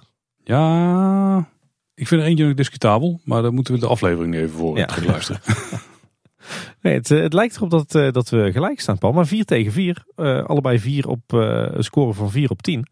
Dat doen we niet verkeerd. Ja, maar volgens mij waren de scores bij beide vorig jaar beter. Maar er zijn er ook een aantal die kunnen we pas bepalen als het weer oktober is. Want die waren in de kader van iets gebeurt niet. En dan kunnen we natuurlijk pas echt besluiten op het moment dat we hem opnemen. Ja, dat is waar. En nog een, een ander klein uh, merchandise nieuwtje. De 24 gouden boekjes, wie kent ze niet, die zijn nu ook als luisterboeken te beluisteren via Spotify. En we zullen een linkje in de show notes plaatsen. En de Vijf Zintuigen die gaat iets nieuws organiseren. Namelijk op zondag 6 november gaan die een Efteling en Antropiek verzamelbeurs uh, houden in de Worstenven in Drunen. Nou, die kennen we natuurlijk, hè, want dat was bijvoorbeeld ook de Fata Morgana documentaire. Maar er zijn in het verleden ook wel meer van die verzamelbeurzen geweest. Ja, en de benefietdag van de Vijf Zintuigen. Ja, ja. en de entree die zal uh, gratis zijn. Het is tussen 10 en 4. En vanaf 9 juli start de verkoop. De verkoop is natuurlijk voor uh, de, de kraampjes. Ja. Dan uh, wat vacature nieuws. Uh, we hebben een paar interessante vacatures uh, gevonden. En eentje die is een, een, bekende van ons. De teamlead staf horeca. Dat was natuurlijk de, de rol die Melvin van Brakel altijd had. Maar die gaat de Efteling verlaten. Die gaat namelijk naar Snowworld. Waar die food and beverage director wordt. Ah, Melvin was toch wel echt de vriend van de show toch? Binnen de muren ja, van de Efteling. Zeker. Ben benieuwd wie daarvoor in de plaats komt. Maar wil je nou Melvin opvolgen? Ja, dan moet jij degene zijn die dus de koers en de richting gaat bepalen. Dat is volgens mij hetzelfde. Ik ben een beetje aan het paraphrase uit de, uit de vacaturetekst. Parafraseren. Ja, is dat goed Nederlands? Ja, ja, ja. Oké. Okay. Um, op het gebied van de horecaconcept, het assortiment en de prijsvoering. En uh, samen met een team van specialisten moet je dan uh, jezelf gaan focussen op de gasttevredenheid van een minimaal een 8. Hm, hier is het dan uh, wat minder hoog dan de rest van het bedrijf blijkbaar. waarbij je dan ook de visie bepaalt ten, op, ten aanzien van het capaciteit, kwaliteit, prijs en het aanbod. En daarbij moet je niet alleen kijken naar wat kan binnen de Efteling zelf, maar je gaat ook kijken naar samenwerkingen. En je gaat ook kijken naar trends en ontwikkelingen in de markt. Dat klinkt ook een beetje als wat Frans voor een deel al doet, hè? Nou, ik denk dat dit meer zit in, zit in samenwerkingen bijvoorbeeld met een, een Unox, een Swirl. En uh, hoe heet die aardappel op een stokje ook alweer? Ja, dat is maar net uh, welke, uh, welke kant de wind waait volgens mij. Ik denk dat dat, dat er meer mee, mee wordt bedoeld. Ja, maar dat is ook toch ook waar Frans zich mee bezig gaat. Uh, tenminste, die, die, dat zijn dan de samenwerkingen die jij nou aanhaalt, maar de trends en ontwikkelingen in de markt. Ja, dat is de Franse paard. Ja, maar mooi dat je dus dat die staf horeca zich dus bezighoudt met en de horeca concepten en de assortimenten en de prijsvoering. Lijkt me echt uh, super boeiend. En dit is in de basis gewoon een vrij hoge functie binnen het horecateam van de Efteling. Ja, ja, zeker. Nou, we hadden het net al over Jonas en dat hij ooit uh, de product owner van de app was van de Efteling. Maar ze zoeken bij de Efteling op dit moment ook een nieuwe senior product owner apps. Dus het zal niet alleen over de Efteling app gaan, misschien ook over de nieuwe Plein app. Daar nog iets meer daarover. En als je dan die product owner bent, dan ben je samen met het development team verantwoordelijk voor het doorontwikkelen van de digitale klantreis voor al onze apps. Ja, ja, daar zijn de buzzwords weer. Oftewel, je bepaalt hoofdzakelijk de richting die de app op gaat. Maar je bent dan ook nog bezig met de Kids app en andere kleinere apps van de Efteling. Waaronder wat spelletjes. Nou, ik zag laatst in een, in een wachtrij waar meerdere mensen dat spelletje spelen. Dat je je telefoon tegen je hoofd houdt en dat je dan ja. de ander moet raden welk Efteling figuur je bent. Dat, dat is eigenlijk een best wel slimme kleine app. Die, die valt ja. er dan ook onder, daar ben je dan ook verantwoordelijk voor. Ook zoeken ze een andere product owner, in dit geval de product owner conversational. Nou, dat, uh, dat zijn wij toch? We doen niks anders dan conversational. We kunnen nogal conversaten. Als je dat bij de Efteling gaat doen, dan ben je in ieder geval verantwoordelijk voor uh, bijvoorbeeld de, de AI die achter de pennenveer zit. Dat is natuurlijk een uh, conversational AI. En uh, dus alle gesprekken die daar doorheen gaan. en volgens mij ook een beetje de, de, het gevoel wat die pennenveer dan zou moeten oproepen. Dat is dan de dingen waar jij verantwoordelijk voor bent. En wat is AI? Artificial Intelligence. Tim. Ah, kijk. Heb je er niet zo goed opgelet bij Jonas? Nee, dat blijkt. Of er is in ieder geval nog wat te leren. Maar ja. dat, dat, komt wel goed. We spijkeren het wel bij bij jou. Hey, nog een paar personeelsdingetjes die niet per se met de vacatures te maken hebben, maar wel leuk zijn. Uh, er stond in uh, de AD en trouwens ook alle regiokranten die aan het AD hangen, een uitgebreid interview met Justin van Assau. En hij is chefkok in Polles Keuken. En in dat artikel ja, prijst hij eigenlijk het, het werken in de Efteling, in de horeca van de Efteling aan. Tof artikel. Leuk, eh, leuke getalletjes. Eh, op een rustige dag verkopen ze bij Pols Keuken zo tussen de 600 en 1000 pannenkoeken. Zo, zijn nog steeds veel. Ja, en het record is ruim 1700 pannenkoeken op één dag. Ik heb net even snel een berekening gemaakt. Stel je verkoopt dagelijks minstens 600 pannenkoeken aan ongeveer een tientje. Dat zal gemiddeld wel kloppen denk ik. Met sommige die goedkoper zijn en sommige die wat duurder zijn. En dat doe je 365 dagen per jaar. Dan kom ik toch wel uit op een omzet van 2,2 miljoen ongeveer. Zeg maar, je bouwt vier van die restaurants, dan heb je net zoveel omzet als een gemiddeld vakantiepark van Ah, oké, dus zit je er net onder. Maar het, nou, nou, het hotel zit je ook nog onder. Vijf van die restaurants, dan heb je ongeveer het hotel. Ja, maar ik snap het wel. De Polleskeuken loopt toch als een trein. En uh, het is niet duur, maar het is ook niet per se goedkoop. Nee, nee, zeker. En Tim, dan de andere waar je denk ik naar refereerde. Iets met personeel, ja, maar niet per se met vacatures. Uh, medewerker Jimmy, die ging viral afgelopen ja, week. Want dat is een uh, heel erg enthousiaste operator van de halve maan. En die maakte er echt een showtje van, van het, het starten van het apparaat. Ja, dat doet hij al wel langer hoor. Ik uh, ken hem ook wel uh, van gezicht en van zijn acties. Uh, ontzettend gemotiveerd en gepassioneerd. alleen deze keer werd het vastgelegd op de gevoelige plaat. En ja, nu ging het dus viral. Eerst op Twitter en uiteindelijk ging ook Omroep Brabant er mee aan de haal. Maar gelukkig volop positieve reacties, ook vanuit de Efteling zelf. Ik zag zelfs dat HR het op LinkedIn postte. Dus ik denk, nou dan zit het wel goed met Jimmy. Ik weet namelijk dat ze bij de Efteling er vroeger helemaal niet gecharmeerd van waren als je als normaal uh, personeelslid in het park uh, er een beetje bij acteerde. Mij is ooit nog wel eens toegebeten. Je bent gewoon medewerker als je wilt acteren, worden maar acteur. dus zo ging dat vroeger. Maar dus wat dat betreft is er gelukkig tegenwoordig wel de ruimte om net even ietsje verder te gaan in de beleving. Nee, heel, heel tof dat Jimmy die verdiende aandacht krijgt. Nou, we hebben vrij veel luisteraars in de Efteling-organisatie zelf zitten. Die zullen allemaal wel bekend zijn met het plein. Het plein is namelijk het internet van de Efteling. Dus dat is de plek waar je interne informatie kunt vinden. Waar de communicatie wordt gedaan. Bijvoorbeeld over de bezoekersaantallen van die dag, et cetera. Kun je ook uh, belangrijke documenten en roosters vinden. En ik vermoed dat je daar ook dan uh, vrij kunt vragen en dat soort zaken. En, en een linkje naar Kleine Boodschap hoop ik toch? Die staat er misschien heel af en toe wel op. Ooit, ooit wel het geval geweest. Ik weet niet of dat nog steeds is, kan ik niet beloven. Maar er is in ieder geval een nieuwe versie van het plein verschenen. Volgens mij nu uh, ook volledig te bereiken via een app, via de plein app. Dus dan kun je ook pushmeldingen krijgen en zo over belangrijke zaken. En het is ideaal Tim, want dan kun je gewoon al zittend op het toilet gewoon allerlei zaken regelen rondom uh, jouw uh, werknemerschap. Ik, ik heb wel wat suggesties van een aantal pushmeldingen. Als je op het toilet zit? nee, in de plein app. De nieuwe kleine boodschap aflevering staat klaar.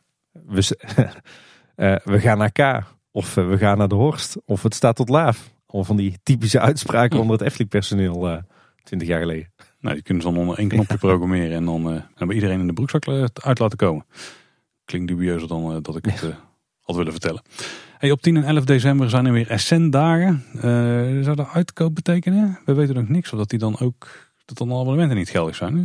Meestal zijn het wel echt uitkopen waarop de abonnementen niet geldig zijn. Ja. Nou, dat moeten we even in de gaten houden. En de vorige keer hadden het al over de onbemande fietsenstalling. Loopings die had daar nog een artikel over geschreven. En die had daar ook wat Efteling quotejes bij opgedoken. De Efteling die reageerde erop dat er de keuze was gemaakt om geen medewerker in te zetten meer bij de fietsenstalling. Soms staat er nog wel iemand, maar dat is dan vooral om de in- en uitstroom te begeleiden. Maar dat is niet meer standaard. en eh, ze zeggen, als er een fiets wordt gestolen, dan wordt het gelijk gemeld bij de beveiliging. En zij kunnen dan de camerabeelden overdragen aan de politie. Maar dat was volgens mij het hele punt. Dat in het geval van een gestolen fiets, waar het toen over ging, er helemaal geen camerabeelden aangeleverd konden worden. Nee, volgens mij staat er ook geen camera op de fietsstalling. Er staat alleen een camera op uh, helemaal onderaan bij de Kinkerpolder op de, het hek, zeg maar. Als je net van de ramp afkomt. Ja. Hm. Ja, je moet toch gewoon op de, met uitzondering van misschien de meest rustige doordeweekse dagen, moet hij toch gewoon meer een medewerker staan. Volgens mij waren we daar de vorige keer al wel over eens, ja. ja. Tim, de crisisopvang eh, die dan op zand plaatsvond, daar heb jij jezelf ook nog gehard van mogen maken. Ja, we hebben het toen gehad over eh, de bijdrage van de Efteling erin, maar daar weten we inmiddels iets meer over. Hè? Ja, ja, we moesten er nog even aan toevoegen dat het een initiatief was van uh, de afdeling Hotels en Resorts. Mm -hmm. Eigenlijk denk ik van uh, de club van Efteling Evenementen, die natuurlijk onder Hotels en Resorts vallen. ze hebben trouwens niet alleen alle warme maaltijden verzorgd, maar ook alle ontbijt- en lunchpakketjes. En dat was in ieder geval de warme maaltijden waren een schenking. En ik begreep van medewerkers op de locatie dat, dat daarmee behoorlijk wat geld is bespaard. dankzij, dankzij die bijdrage van de Efteling. Wel leuk trouwens, ik heb inderdaad ook een dagje mogen werken op die crisisnoodopvang. En echt overal kwam Efteling evenementen voorbij. En de, de afkorting LEM, die wij natuurlijk ook geregeld, geregeld voorbij laten komen in Kleine Boodschap, het logistieke evenementenmagazijn. Dus het voelde zelfs een beetje als thuis. Hm. Voor mij dan. Verder was het vooral heel droevig dat er uh, zo met, uh, met al die arme mensen wordt uh, gesleept heen en weer. Maar ik, heb gelukkig een aantal, een aantal mensen in de opvang ja, goed kunnen helpen met, met hele lastige kwesties. Dus ja, voelde goed om daar een dagje te mogen werken. Hey Tim, wat zou jou misschien niet verbazen dat ik de afgelopen weken echt enorm vaak een filmpje toegestuurd heb gekregen van de nieuwe animatronic die in Naturalis is verschenen. Want daar hebben ze een hele toffe dino, uh, ja, een Tyrannosaurus Rex animatronic geplaatst. Daar wil ik ook echt nog gaan kijken, want onze kinderen zijn ook helemaal dino gek. Wat uh, wel verrassend is, is dat de Karel Willem daar als adviseur aan mee heeft gewerkt. Aan die hele Rexperience die ze daar hebben opgetrokken. Ja, inderdaad. We lezen op Loopings dat uh, Karel Wilma al vroeg in het proces werd gevraagd om met Naturalis mee te denken over het concept en aankleding. En Karel kon Naturalis veel meer vertellen over thematiek in attracties. Als we het dan toch hebben over Efteling creatievelingen die eh, buiten de deur hun kunstjes vertonen. Eh, er zijn ook Efteling vormgevers die een lichtinstallatie hebben ontworpen voor Glow in Eindhoven. En dat is een enorme, die begint namelijk op het Catharinaplein en die loopt door in de heuvel en de markt. En eh, het bestaat uit een zee van ruim 300 vlinders die boven de hoofden van de bezoekers zweven. Die vlinders zijn 50 centimeter tot 3 meter groot. Ik denk dan meteen aan de vlinders die we ook zien in Symbolica. En die worden in China gemaakt. Naar Glow dan gaan ze naar, volgens het artikel wat we hadden gelezen, de wintertuin in de Efteling. Dat moet toch de, de warme winterweide zijn, toch? Ja, zou wel een bijzondere vorm van aankleding zijn, maar ja. kan wel eens goed uitpakken. Ben benieuwd. En uh, meer lokaal, Pardoes, nou ja, meer lokaal dan de Efteling wordt het trouwens bijna niet, maar Pardoes die was op de kindermiddag van de Ketzeuvelse carnavalsvereniging. En uh, DJ's Majoni en Arnoud van Hallo Kids Radio die uh, waren er ook bij. Ja, en verder iets minder lokaal, maar ook wel heel erg Eftelings. Op eh, zaterdag 25 juni is de nieuwe tentoonstelling over Hans en Grietje in het Antropiek Museum in Hattem geopend. Door eh, de kleindochter van burgemeester Van der Heijden. En Carlo van de Vijf Zintuigen, die natuurlijk ook de mini-quizjes heeft verzorgd tijdens de Kleine Boodschap in het theater. Die was er ook bij, want die had uh, zelf weer een hele vitrine gevuld. We zullen even linken naar een tweetje van hem, dan kan je wat foto's zien. wij hebben zelf helaas de Roodkapje tentoonstelling in het Antropiek Museum gemist het afgelopen jaar. Dus toch maar eens tijd gaan maken om toch weer eens naar Hattem te gaan en een Hans en Grietje tentoonstelling te bezoeken. Staat ook bij ons nog steeds op de planning. Vrij bijzonder nieuws van Stevast Entertainment uit Breda. Die verhuurt een eigen variant van Oje Punctueel. En die heeft ook een hele mooie naam, Tim. Louis Le Chic. Ja. Ja, en als je daar foto's van ziet, Loopings heeft er uiteraard een artikel over gemaakt dan uh, zie je dat hij toch wel echt enorm veel weggeeft van Punctueel. Niet alleen qua hoe hij eruit ziet, want dat is al vrijwel een, tenminste dezelfde kleurgebruik, hetzelfde materiaalgebruik, hetzelfde elementen aan uh, de kleding zeg maar. Wel net, net iets anders dat het niet helemaal hetzelfde is, maar als je door je oogharen kijkt dan lijkt het gewoon exact hetzelfde. Maar ook de manier waarop de, de uh, lakai zich gedraagt, ja die is gewoon exact hetzelfde zeg maar. Het is gewoon precies hetzelfde karakter met dezelfde karaktereigenschappen en hoe het eruit ziet. Dus de Efteling die zegt inderdaad dat de act veel weggeeft van een van hun Efteling-bewoners en ze gaan er naar kijken. Hmm. Nog meer digitaal nieuws. Er is een nieuwe Eftelstats gelanceerd. Niet te vormen met de originele Eftelstats die je vindt op eftelstats.nl. Dit is namelijk eftelstats.com. Is ook een project waar een luisteraar van ons achter zit. Uh, en daar kun je weer heel overzichtelijk de statistieken vinden die op dat moment relevant zijn in de Efteling. Met daarbij heel cool dat je de historische data ook kunt checken. Dus je kunt ook bij attracties weer terugbladeren in de tijd om te kijken hoe het uh, in de dagen ervoor eraan toe ging. Inclusief grafiekjes en zo, hoe je, dus dat je het verloop over de dag kunt zien. Ook interessant om te vergelijken met wat er in de app staat, of in de lab-app. Ja, een interessant nieuw artikel op Eftepedia. Namelijk een artikel over de Anton Pieck School. Een school volgens mij voor uh, moeilijk lerende kinderen in Kaatsheuvel. Bestaat inmiddels niet meer. Maar die school had uh, bijzonder veel linkjes met, uh, met de Efteling, met Anton Pieck, met Tom van der Ven. Het is een ontzettend interessant artikel uh, geworden, dus check dat zeker. Het was voor mij ook een feest der herkenning, want toen ik voor het eerst in Kaatsheuvel kwam wonen, de eerste drie jaar woonden wij zo'n beetje naast de Anton Pieck school. Dus wij kwamen daar vaak ook om te stemmen. En grappig detail is dat het, het, het klimrek, wat op de speelplaats stond van de Anton Pieck school, dat kwam oorspronkelijk uit de oude Efteling speeltuin. En dat is daarna ook nog verhuisd naar uh, het kinderdagverblijf waar mijn dochters uh, uh, op zaten. Dus zo heb ik stiekem aardig wat linkjes met die Anton Pieck school. Maar dat is een heel leuk, leuk artikel geworden, dus check dat zeker. Ja, en dan nog denk ik een waarschuwing Tim, voor iedereen die een kleine anderhalf miljoen op de bankrekening heeft staan en een nieuw huis wil kopen. Heb jij ze? nee, nee, nee. Er staat een huis in Vught te koop, wat naar verluidt een huis zou zijn van Peter Reinders. En die zou ook ontworpen zijn door uh, Peter Reinders, maar die noemen ze in diezelfde context een stedenbouwkundige. Dat is niet echt wat hij was. Zeker niet. en, uh, en Anton Pieck zou er dan ook nog een hand in hebben gehad. Nou ja, wij hebben dit proberen uit te zoeken, ook op basis van uh, bijvoorbeeld een documentaire die over Reinders is gemaakt. En nou, volgens mij is dit echt onzin.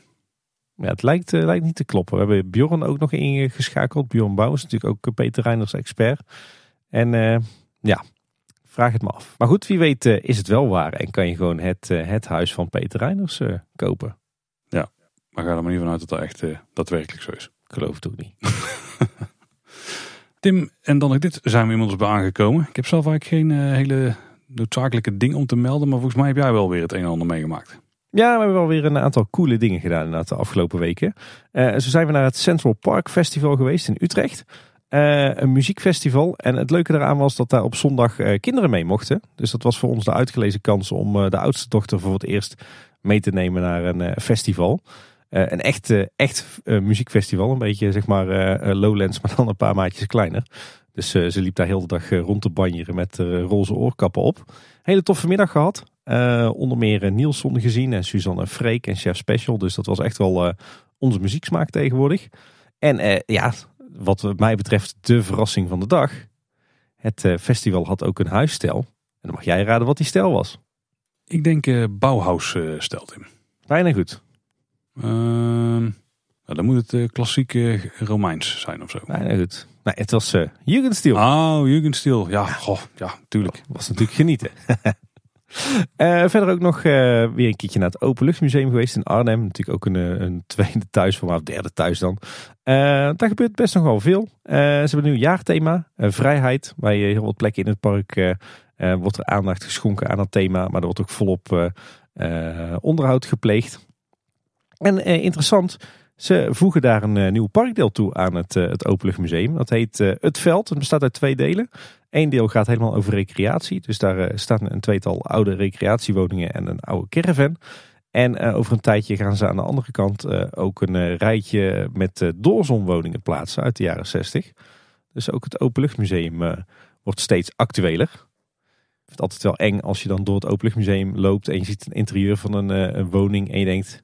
Shit, zo zag het er vroeger bij ons thuis ook uit. Dan word je oud.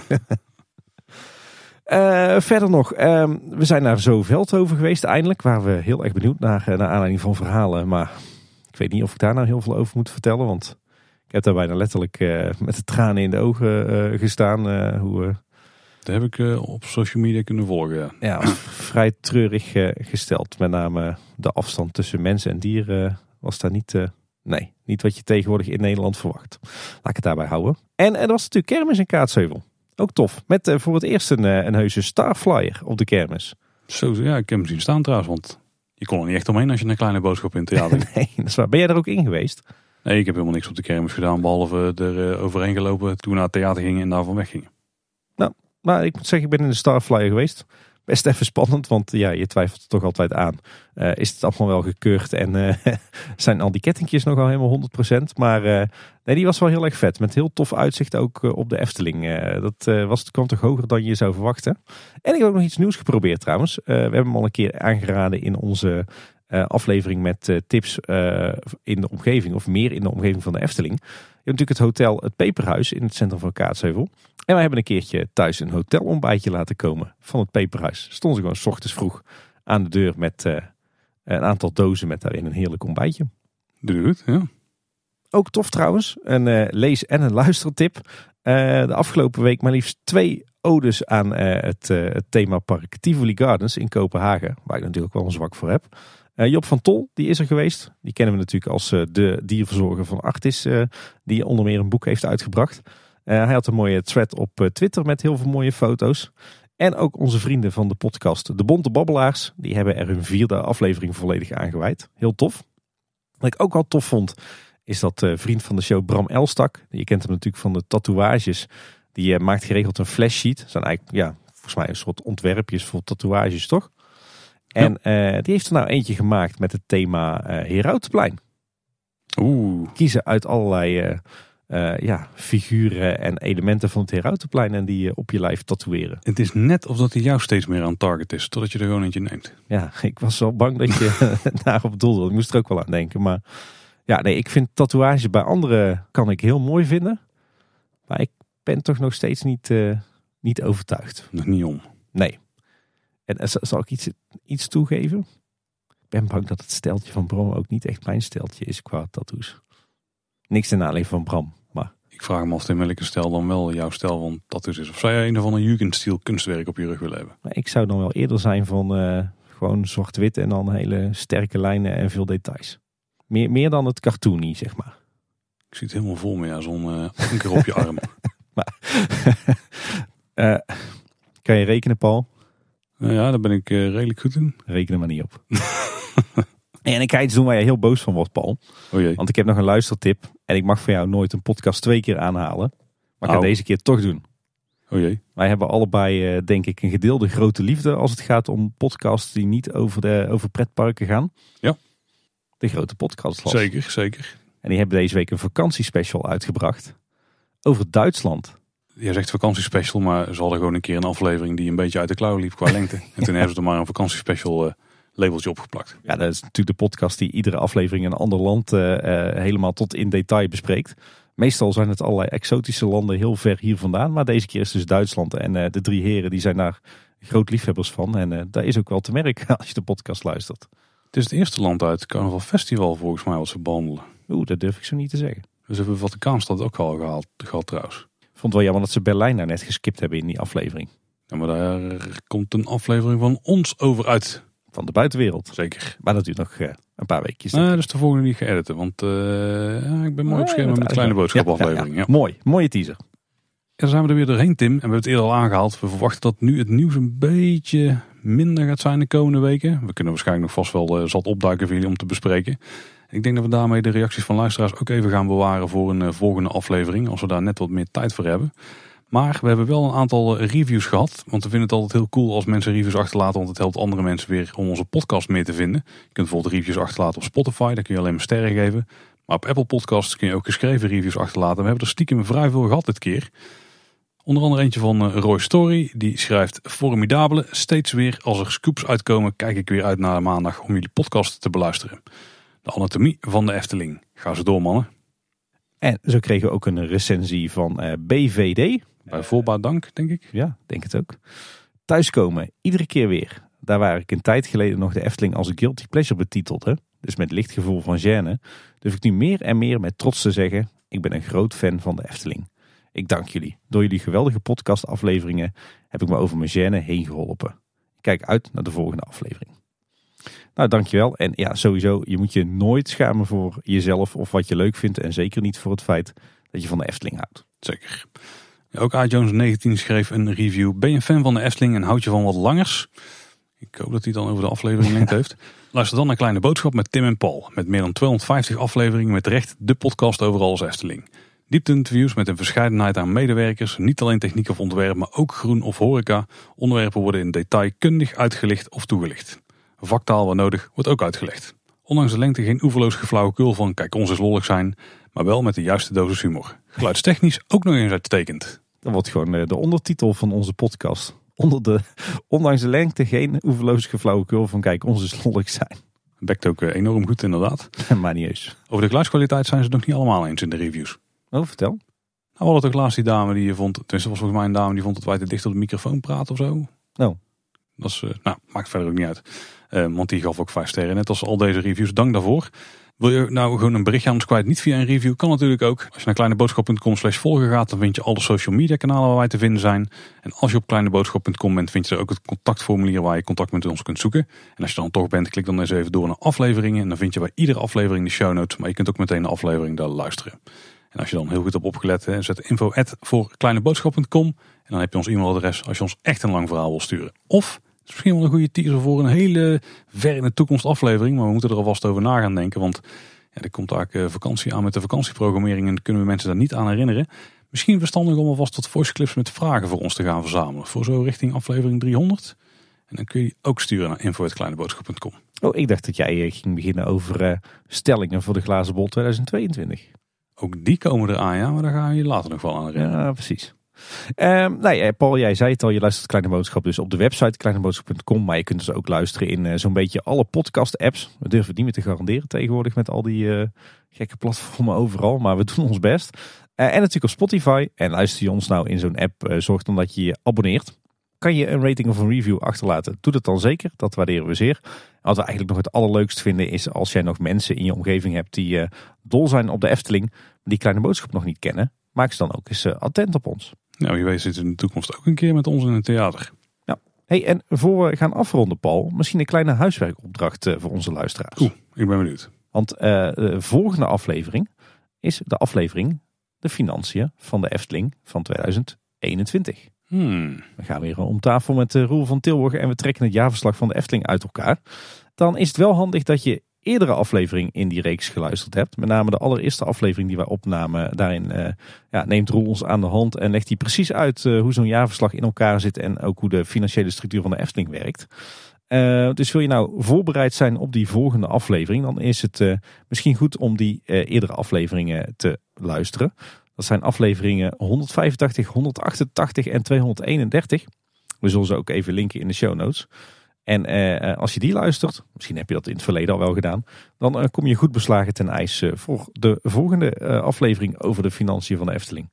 En mocht je nou net niet de tijd hebben om 8 uur een kleine boodschap te luisteren komende week, dan kan je 188 eventueel skippen. Maar 185 is wel ja, de basis. En dat was weer voor deze week. Bedankt voor het luisteren. Tot de volgende keer. En houdoe. Houdoe.